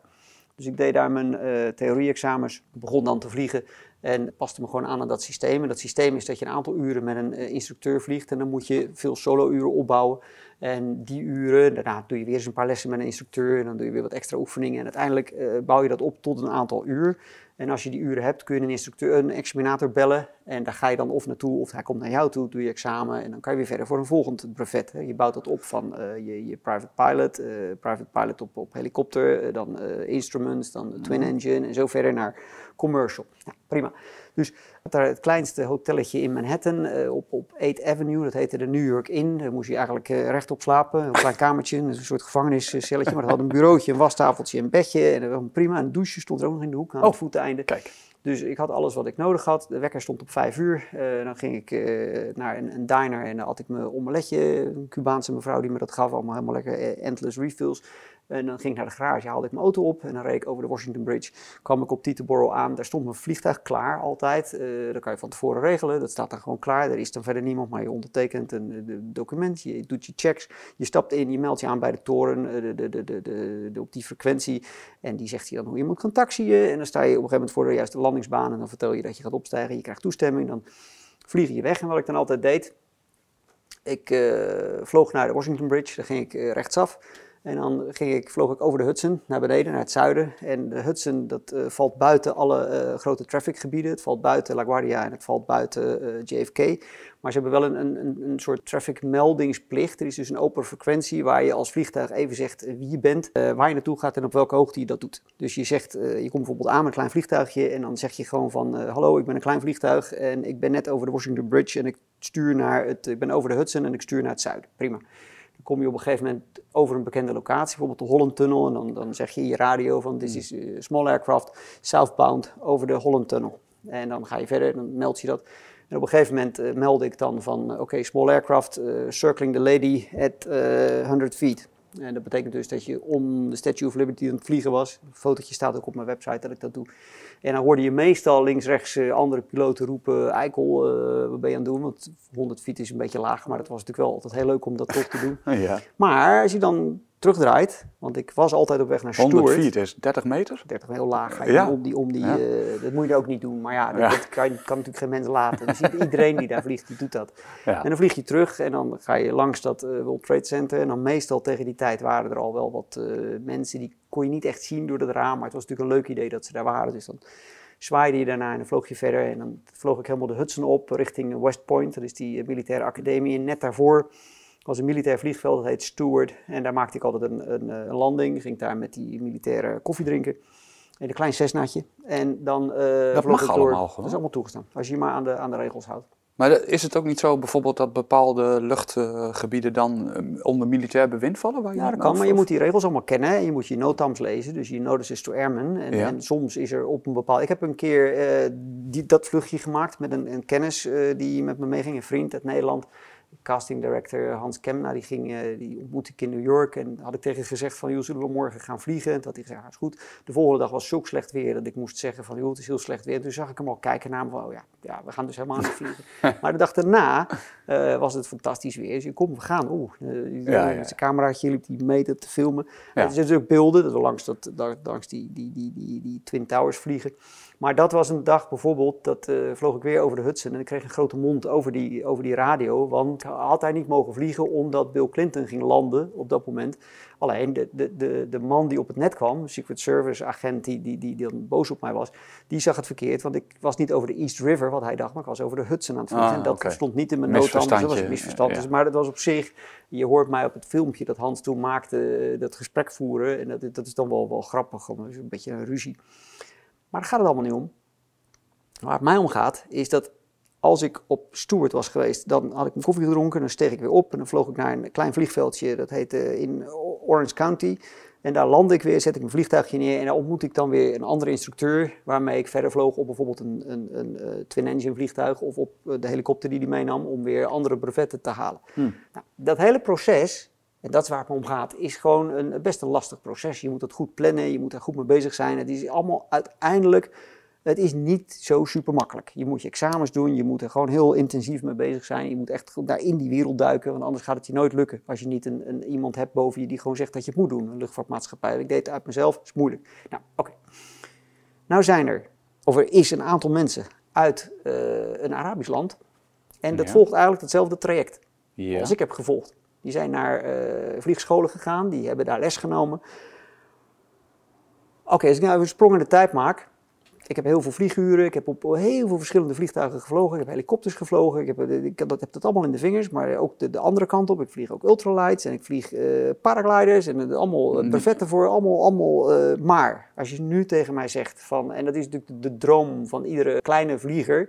Dat je dus in een vliegtuig zit van, van hier naar New York of van hier naar Los Angeles. En dan hoor je ineens, help, de piloot is ziek geworden. Is er misschien iemand die, dat je dan zegt, ja, maar dat ga ik wel eventjes oplossen. Dat jij dan eh, de airliner eh, landt en dat iedereen zegt van, eh, goed Top, gedaan. ja. Dus, ik bedoel, iedere beginnende piloot heeft wel stiekem dat soort gedachten als die zelf een keer in een lijnvlucht zit. Maar nou komt ja. natuurlijk de grote verrassing, het is onmogelijk. Oké. Eh, zelfs met, met, met de ervaring die ik heb, als je nu morgen zou zeggen van joh, wil jij een, een, eventjes een stukje vliegen in een airliner? Ja, daar ga ik niet uitkomen. Ik heb een hele gedegen training nodig om, om dat noemen ze in, in de vliegerij een type rating. Eh, zou ik dat willen en mogen vliegen? En dat hangt allemaal van verzekeringsmaatschappijen af. En dus je komt zo 1, 2, 3 niet in de cockpit van een, een, een Boeing terecht. Maar stel dat je voldoende uren hebt en je bent aangenomen door een luchtvaartmaatschappij en noem het op, want je kan natuurlijk zelf al helemaal niet vliegen. Dat kan alleen John Travolta, maar ik kan dat niet betalen natuurlijk. Ja. Ehm, om in die cockpit terecht te komen en dan dat apparaat ook te kunnen besturen en dan dat apparaat naar een specifiek doel te sturen, daar heb je zoveel kennis voor nodig en zoveel training dat ik heel erg veel vraagtekens stel bij het narratief. We hebben dus weer te maken met geschiedenis. En wat zegt die geschiedenis? Op 11 september Ja. zijn er zoveel mensen geweest die hebben een vliegtuig gekaapt met een aantal messen dat ze bij zich hadden. Die hebben zich weg tot in de cockpit weten te banen. En die hebben het controle overgenomen en die zijn daar met dat vliegtuig in de Twin Towers gevlogen. Eerst in de ene en toen in de andere. En daarnaast hebben ze er eentje in het Pentagon geboord. En die andere, dat is allemaal mislukt. Die had ook een missie, maar die is ergens anders dan uiteindelijk neergestort. Nou, daar gaat het fout. Ik denk dat je weer zo'n typisch moment daar hebt dat je moet zeggen: oké, dat is feitelijke geschiedenis. Dat en dat en dat is gebeurd op dat en dat en dat tijdstip. Prima. Dus fantastisch. We kunnen niet ontkennen dat het gebeurd is. Het Ja. is gebeurd. Zoals ook die Batavieren uiteindelijk in het jaar 69 in opstand kwamen. Dus ontegenzeggelijk waar. Het is gebeurd. Dus ook dat hele avontuur met die vliegtuigen. En ook weer sorry dat ik zo'n rotwoord gebruik, want het is natuurlijk een heel ernstig wat er gebeurd is. Maar goed, ik zit nou te kletsen, dus noem het een avontuur. Oké, maar nou gaan we in de schoenen staan van die kapers. Dan krijg je een heel ander verhaal. Hm. Nou gaan we oprecht in hun schoenen staan. Dus oké, zij moeten op de een of andere manier ergens wat opleiding hebben genoten. Nou, kan dat al helemaal niet. Nou, ook in het Midden-Oosten zijn vliegscholen. Ja, overal zijn vliegscholen. Dat is Ja. allemaal fantastisch. Maar wil je voor mij de vliegschool aanwijzen waar je eh, als eh, private pilot leert om een airliner te vliegen? En dan wordt de spoeling wat dunner. Want die scholen zijn natuurlijk niet te vinden. Want iedere school waar je van, de, natuurlijk kun je leren om een airliner te vliegen. Anders zou niemand een airliner kunnen vliegen. Dat Ja. is allemaal klontjes. Ja. Maar als ik daar toen binnen was komen wandelen, dan hadden mensen gezegd, joh, maar wacht eens even, we hebben een eigen traject. Heb je al werk bij een luchtvaartmaatschappij? Eh, waarom wil je nu op, op die en die Boeing leren vliegen? Want als je bij de luchtvaartmaatschappij terechtkomt, dan kom je misschien helemaal niet op dat vliegtuig terecht. Dus wij willen jou best opleiden voor die type rating die je moet hebben, anders Ja. kan je dat specifieke vliegtuig niet besturen. Maar hey, eh, zorg eerst maar eens dat je werk hebt, zorg eerst maar eens dat je... je, je, bedoel, Je iedereen- kunt niet gewoon zeggen, ik wil die opleiding volgen en... gaan er absoluut gaan er, gaan de bellen rinkelen. Dat zou dus op het moment dat ik dat had gedaan in Amerika, mijn traject zou zijn geweest als ik een toekomst, ik wilde gewoon leren vliegen op het hoogste niveau dat voor mij te behalen was. Dat is mijn ding, dat wilde ik. Ja. Maar als ik had gezegd, ik, ik ambieer een toekomst in de luchtvaart, dan was het traject heel simpel geweest. Dan had ik mijn, mijn eerste lessen moeten nemen, ik had mijn eerste brevet moeten halen, ik had daarbij moeten halen mijn instrument rating en dan had ik daar moeten behalen mijn papier om Certified Flight Instructor te zijn. Je, je doet dus gewoon die lessen tot je certified flight instructor bent. Dan hoef je eigenlijk niet zoveel verder te gaan. Je doet er verstandig aan om ook nog je, je twin engine eh, te doen en, en nog een paar examens. Maar goed, Ja. dat, je, je, je bent eigenlijk een hele end als je certified flight instructor bent. Want wat je dan namelijk gaat doen, is mensen opleiden. En terwijl je mensen opleidt, is elk uurtje dat je schrijft, word je dus betaald. Dat is fijn. En punt twee, schrijf je een uur in je logboek. Nou, als dat oploopt tot bijvoorbeeld een uur of 500, dan maak je een kans om een brief te schrijven naar een luchtvaartmaatschappij en te zeggen, joh, ik wil graag solliciteren naar de functie van piloot op jullie. Dus je komt al zo niet snel terecht bij een passagiersluchtvaartmaatschappij, je komt terecht in de vrachtluchtvaart. Ja. En dan 500 uur, zo, dan, dan, dan gaat dat wel lukken. Als ze jou willen aannemen, als jouw profiel in orde is en als het allemaal oh, dus het past in hun bedrijfsfilosofie, prima. Ja. En dan is de verzekering bereid om jou te verzekeren, want je hebt die 500 uren, dat is dan wel in orde. Maar, en dan pas ga je de type rating halen voor het apparaat waar je ook uiteindelijk op gaat vliegen. Oké. En dat is even een intensief eh, stukje opleiding, waar je natuurlijk elk knopje en elk toeter en elke bel van dat vliegtuig moet leren.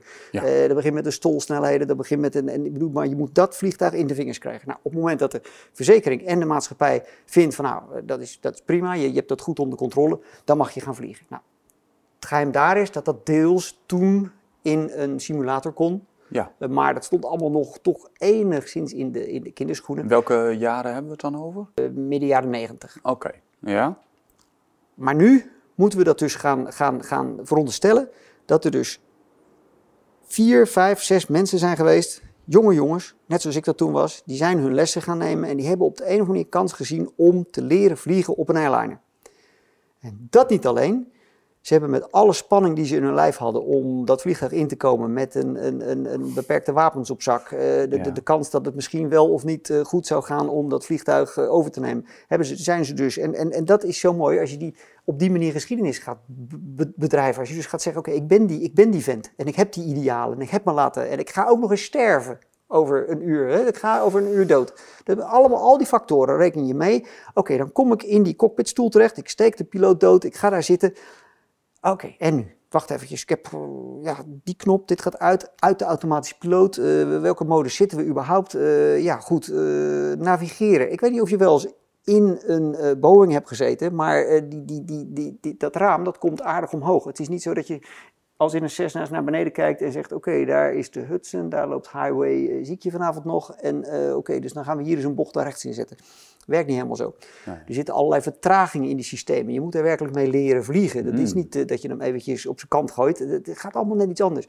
Nou, die jongens die zijn in die cockpit terechtgekomen en met alle stress die ze al in hun lijf hadden en met het idee dat ze eh, al heel snel zouden gaan sterven, zijn dus in staat geweest om koelbloedig alle juiste knoppen in te drukken. Te zeggen, zo, eens even kijken, we zijn al zover, waar zitten we precies? Dus al die, dat hebben ze allemaal dus af kunnen lezen. Goed, we gaan hier als een rustig een bocht inzetten, eh 90 graden. En dan gaan we richting, en dan, ja, nu is het wel de tijd, want ik zie daar die toren. En ik ga eens eventjes links aansturen. Ik ga dalen naar eventjes de, de, de, de zoveel procent flaps. En eh boem.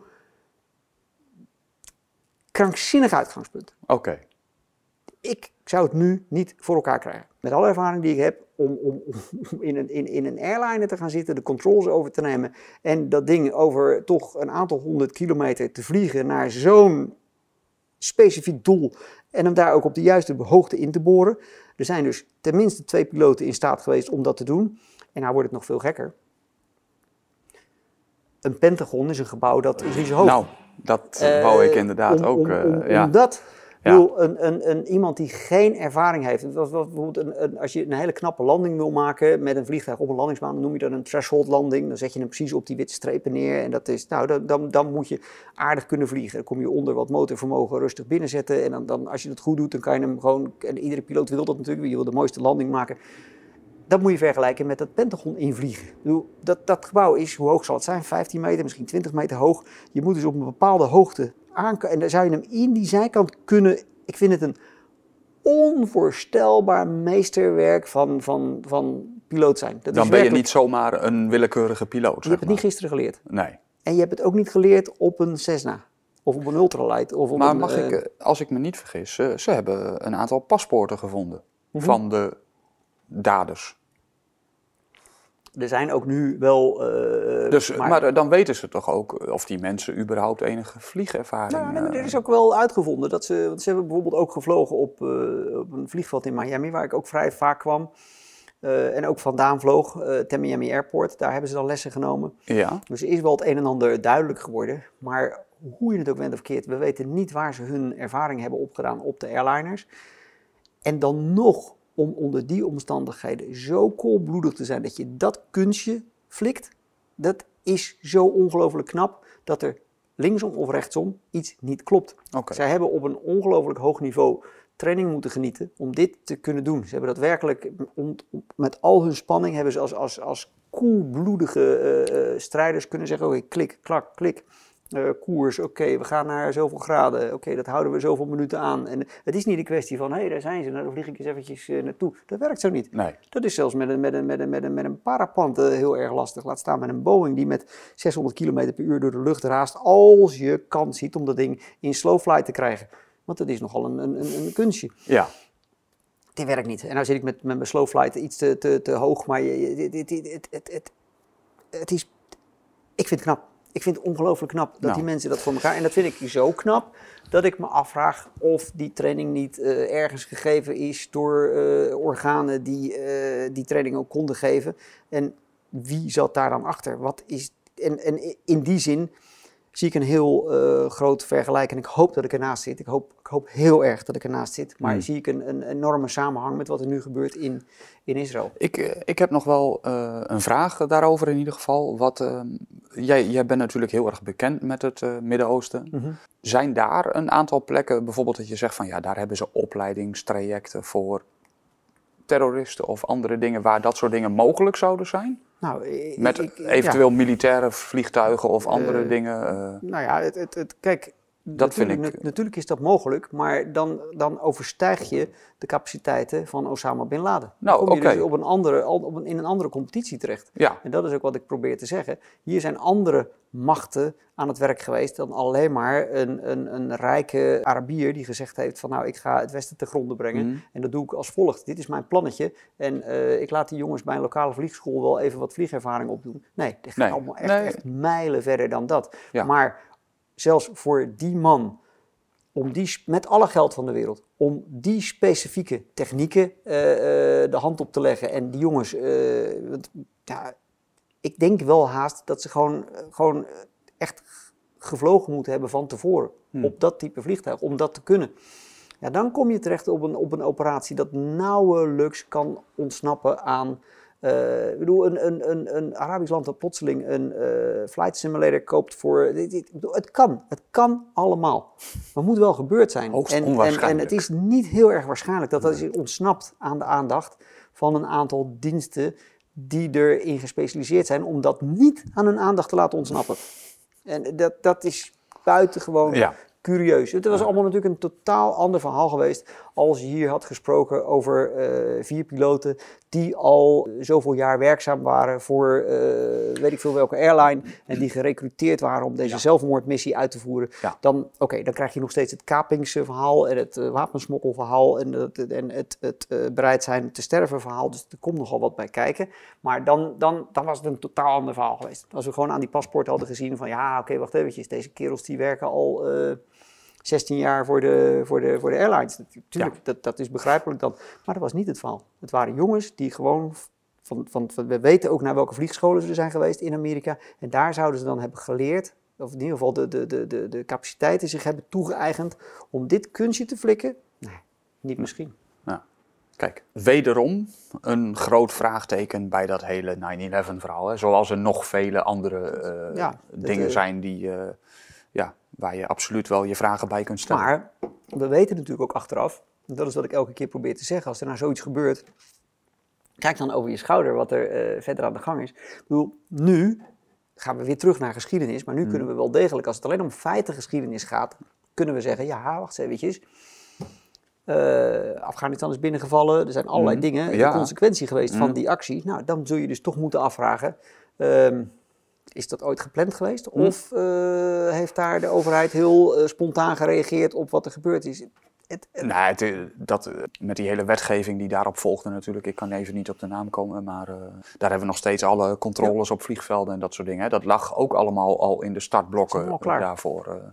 Dan is het altijd weer de vraag van, ja, is dit gebeurd zodat ze dat konden doen? Of hebben ze gebruik gemaakt van het feit dat het gebeurd is? Hè? Dat, eh, je dat moet is altijd weer, openhouden dat het allemaal ja. per ongeluk zo eh, in elkaar Maar, is gevallen. Maar ik heb er moeite mee om dat te, te, te... Vooral vanwege de complexiteit van zaken. En, en voor mij was het verhaal heel makkelijk, veel makkelijker geweest... als ik bijvoorbeeld 9-11 had geleerd... dat het eh, hele ervaren piloten waren die zich voor die actie hebben laten lenen. Was niet minder tragisch geweest, maar voor mij wel begrijpelijker. Hmm. En nu is het voor mij volstrekt onbegrijpelijk. En ben ik verplicht mezelf de vraag te stellen, wat is er aan de hand? En dat vind ik een onschuldige vraag. Maar als ik hem stel, dan eh, wordt er al heel boos naar me gekeken. Ja, maar ja, dat, eh, daar moeten we zo langzamerhand maar aan wennen, denk ik. Waarschijnlijk omdat het antwoord minder onschuldig is. Ja, nou, Ja, dat, de- inderdaad, ja. Ja, kijk, op het moment dat je bepaalde vragen niet mag stellen, ja, dan weet je dat je ze juist moet stellen. Ja, hè? En dat, eh, ja. Hey, eh, Nico, heb jij eh, bij wat er nu gebeurt in, eh, in Gaza, eh, heb jij daar verder nog, eh, wil, je, wil je daar nog dingen over zeggen? Of, Nou ja, kijk, ik denk dat alles wel een beetje gezegd is. Mijn, mijn rare gedachtenkronkels eh, daarover. Ehm, ik hou me hard vast. En ik, ik hoop toch echt dat we... Kijk, de, de, de media kunnen we niet meer van op aan. Dat, dat moet je gewoon vergeten. En, en al, alleen al door dat te zeggen, snij ik me natuurlijk gigantisch in de vingers. Maar ja, die media zijn inmiddels gewoon eigendom van die piramide waar ik het de hele tijd over heb. Dus ja, dan is het logisch dat die media ook netjes doen wat er gezegd wordt. En Ja. we weten zelfs dat eh, de, de, de bureaus die de media aansturen weer worden gefinancierd door de mensen uit diezelfde piramide. Top van die piramide. We maken allemaal deel uit van die piramide, maar het gaat om de, de top ervan. Die sturen Reuters aan, ANP aan en eh, daar halen weer de... Nou, er is iets heel wonderlijks aan de gang in deze wereld. En ik denk dat we geen tijd te verliezen hebben om ons daar los van te maken. En aan alles wat ik ook maar elke keer tegen mensen zeg, van, geloof waar je wil geloven, maar probeer je iets beter te verdiepen dan dat je alleen maar naar de NPO luistert. Want de kans dat je slecht wordt voorgelicht is heel erg groot. En dat zie ik ook nu weer gebeuren in, in, in Gaza. Eh, Ja. Wat gaan wij voor informatie op ons afkrijgen? En ik denk dat we eh, iemand die verstandig is nu wel zegt: Oké, wat wordt er op me afgevuurd? Wat, wat, wat lees ik, wat hoor ik het meest in de mainstream media? Prima. Dan ga ik even de andere kant op kijken. Dat verhaal van als je in het bos iets ziet hangen, eh, kijk dan naar beneden en omgekeerd. Ik, ik, ik, ik, Ja. heb nu, begin ik heel sterk dat gevoel te krijgen. En ik denk dat eh, verstandige mensen dat, dat nu toch eh, zich moeten gaan aanleren. Om per se eventjes de andere kant op te kijken. En dan maar hopen dat ik gewoon totaal ongelijk heb. En dat er helemaal niks aan de hand is. En dat dit echt gewoon eh per ongeluk Ja, maar- eh, dingen zijn die in elkaar vallen. Het zou kunnen, Nee. kan, maar ik geloof niet. dat, ik vind dat een eh, gepasseerd stadium eigenlijk. Ja, eh, goed, dat, maar eh, ja, ja, ik hoop dat ik ongelijk heb, maar ik denk dat het verstandig is om, om, om, om iets breder om ons heen te kijken. Ik denk dat het verstandig is om goed na te denken over de stem die we uitbrengen op 22 eh, Ja. november. Als we, als we Maar- ergens op moeten hopen, Nico, dan denk ik dat we moeten hopen dat het tij nog enigszins gekeerd kan worden. Ja, ten gunste dat, van de, de mensheid, laat ik het dan maar zo zeggen. Dat, Nou ja, dat klinkt heel Dat- somber, maar Nou, ja, ik denk wel Denk- dat je gelijk hebt. ja. Eh, nou ja, dan ga ik je gewoon eh, in ieder geval heel erg bedanken. Ik vond het eh, heel leuk en het is moeilijk inderdaad om antwoorden te geven op dingen, hè, de- definitief. Maar Ja, dat is leuk. je hebt jouw contacten natuurlijk binnen die hele... De, komt de informatiestroom een beetje op gang nu?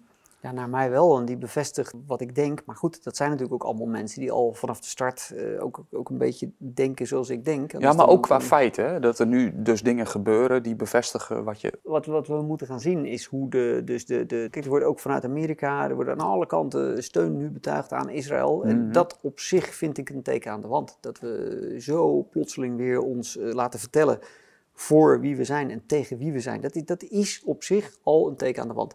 De mainstream media horen nu gewoon bericht te geven van wat er gebeurt. En op de een of andere manier heb ik alweer het gevoel dat ons wordt verteld dat we nu plotseling staan we aan de kant van Israël. Eh, Nederland is natuurlijk, als je het over Nederland hebt, is altijd wel een, een vriendschappelijk geweest met Israël. Maar de laatste 10, 20 jaar begonnen er toch heel veel toch, eh, sentimenten te spelen van joh, eh, pas op, er zijn ook nog Palestijnen.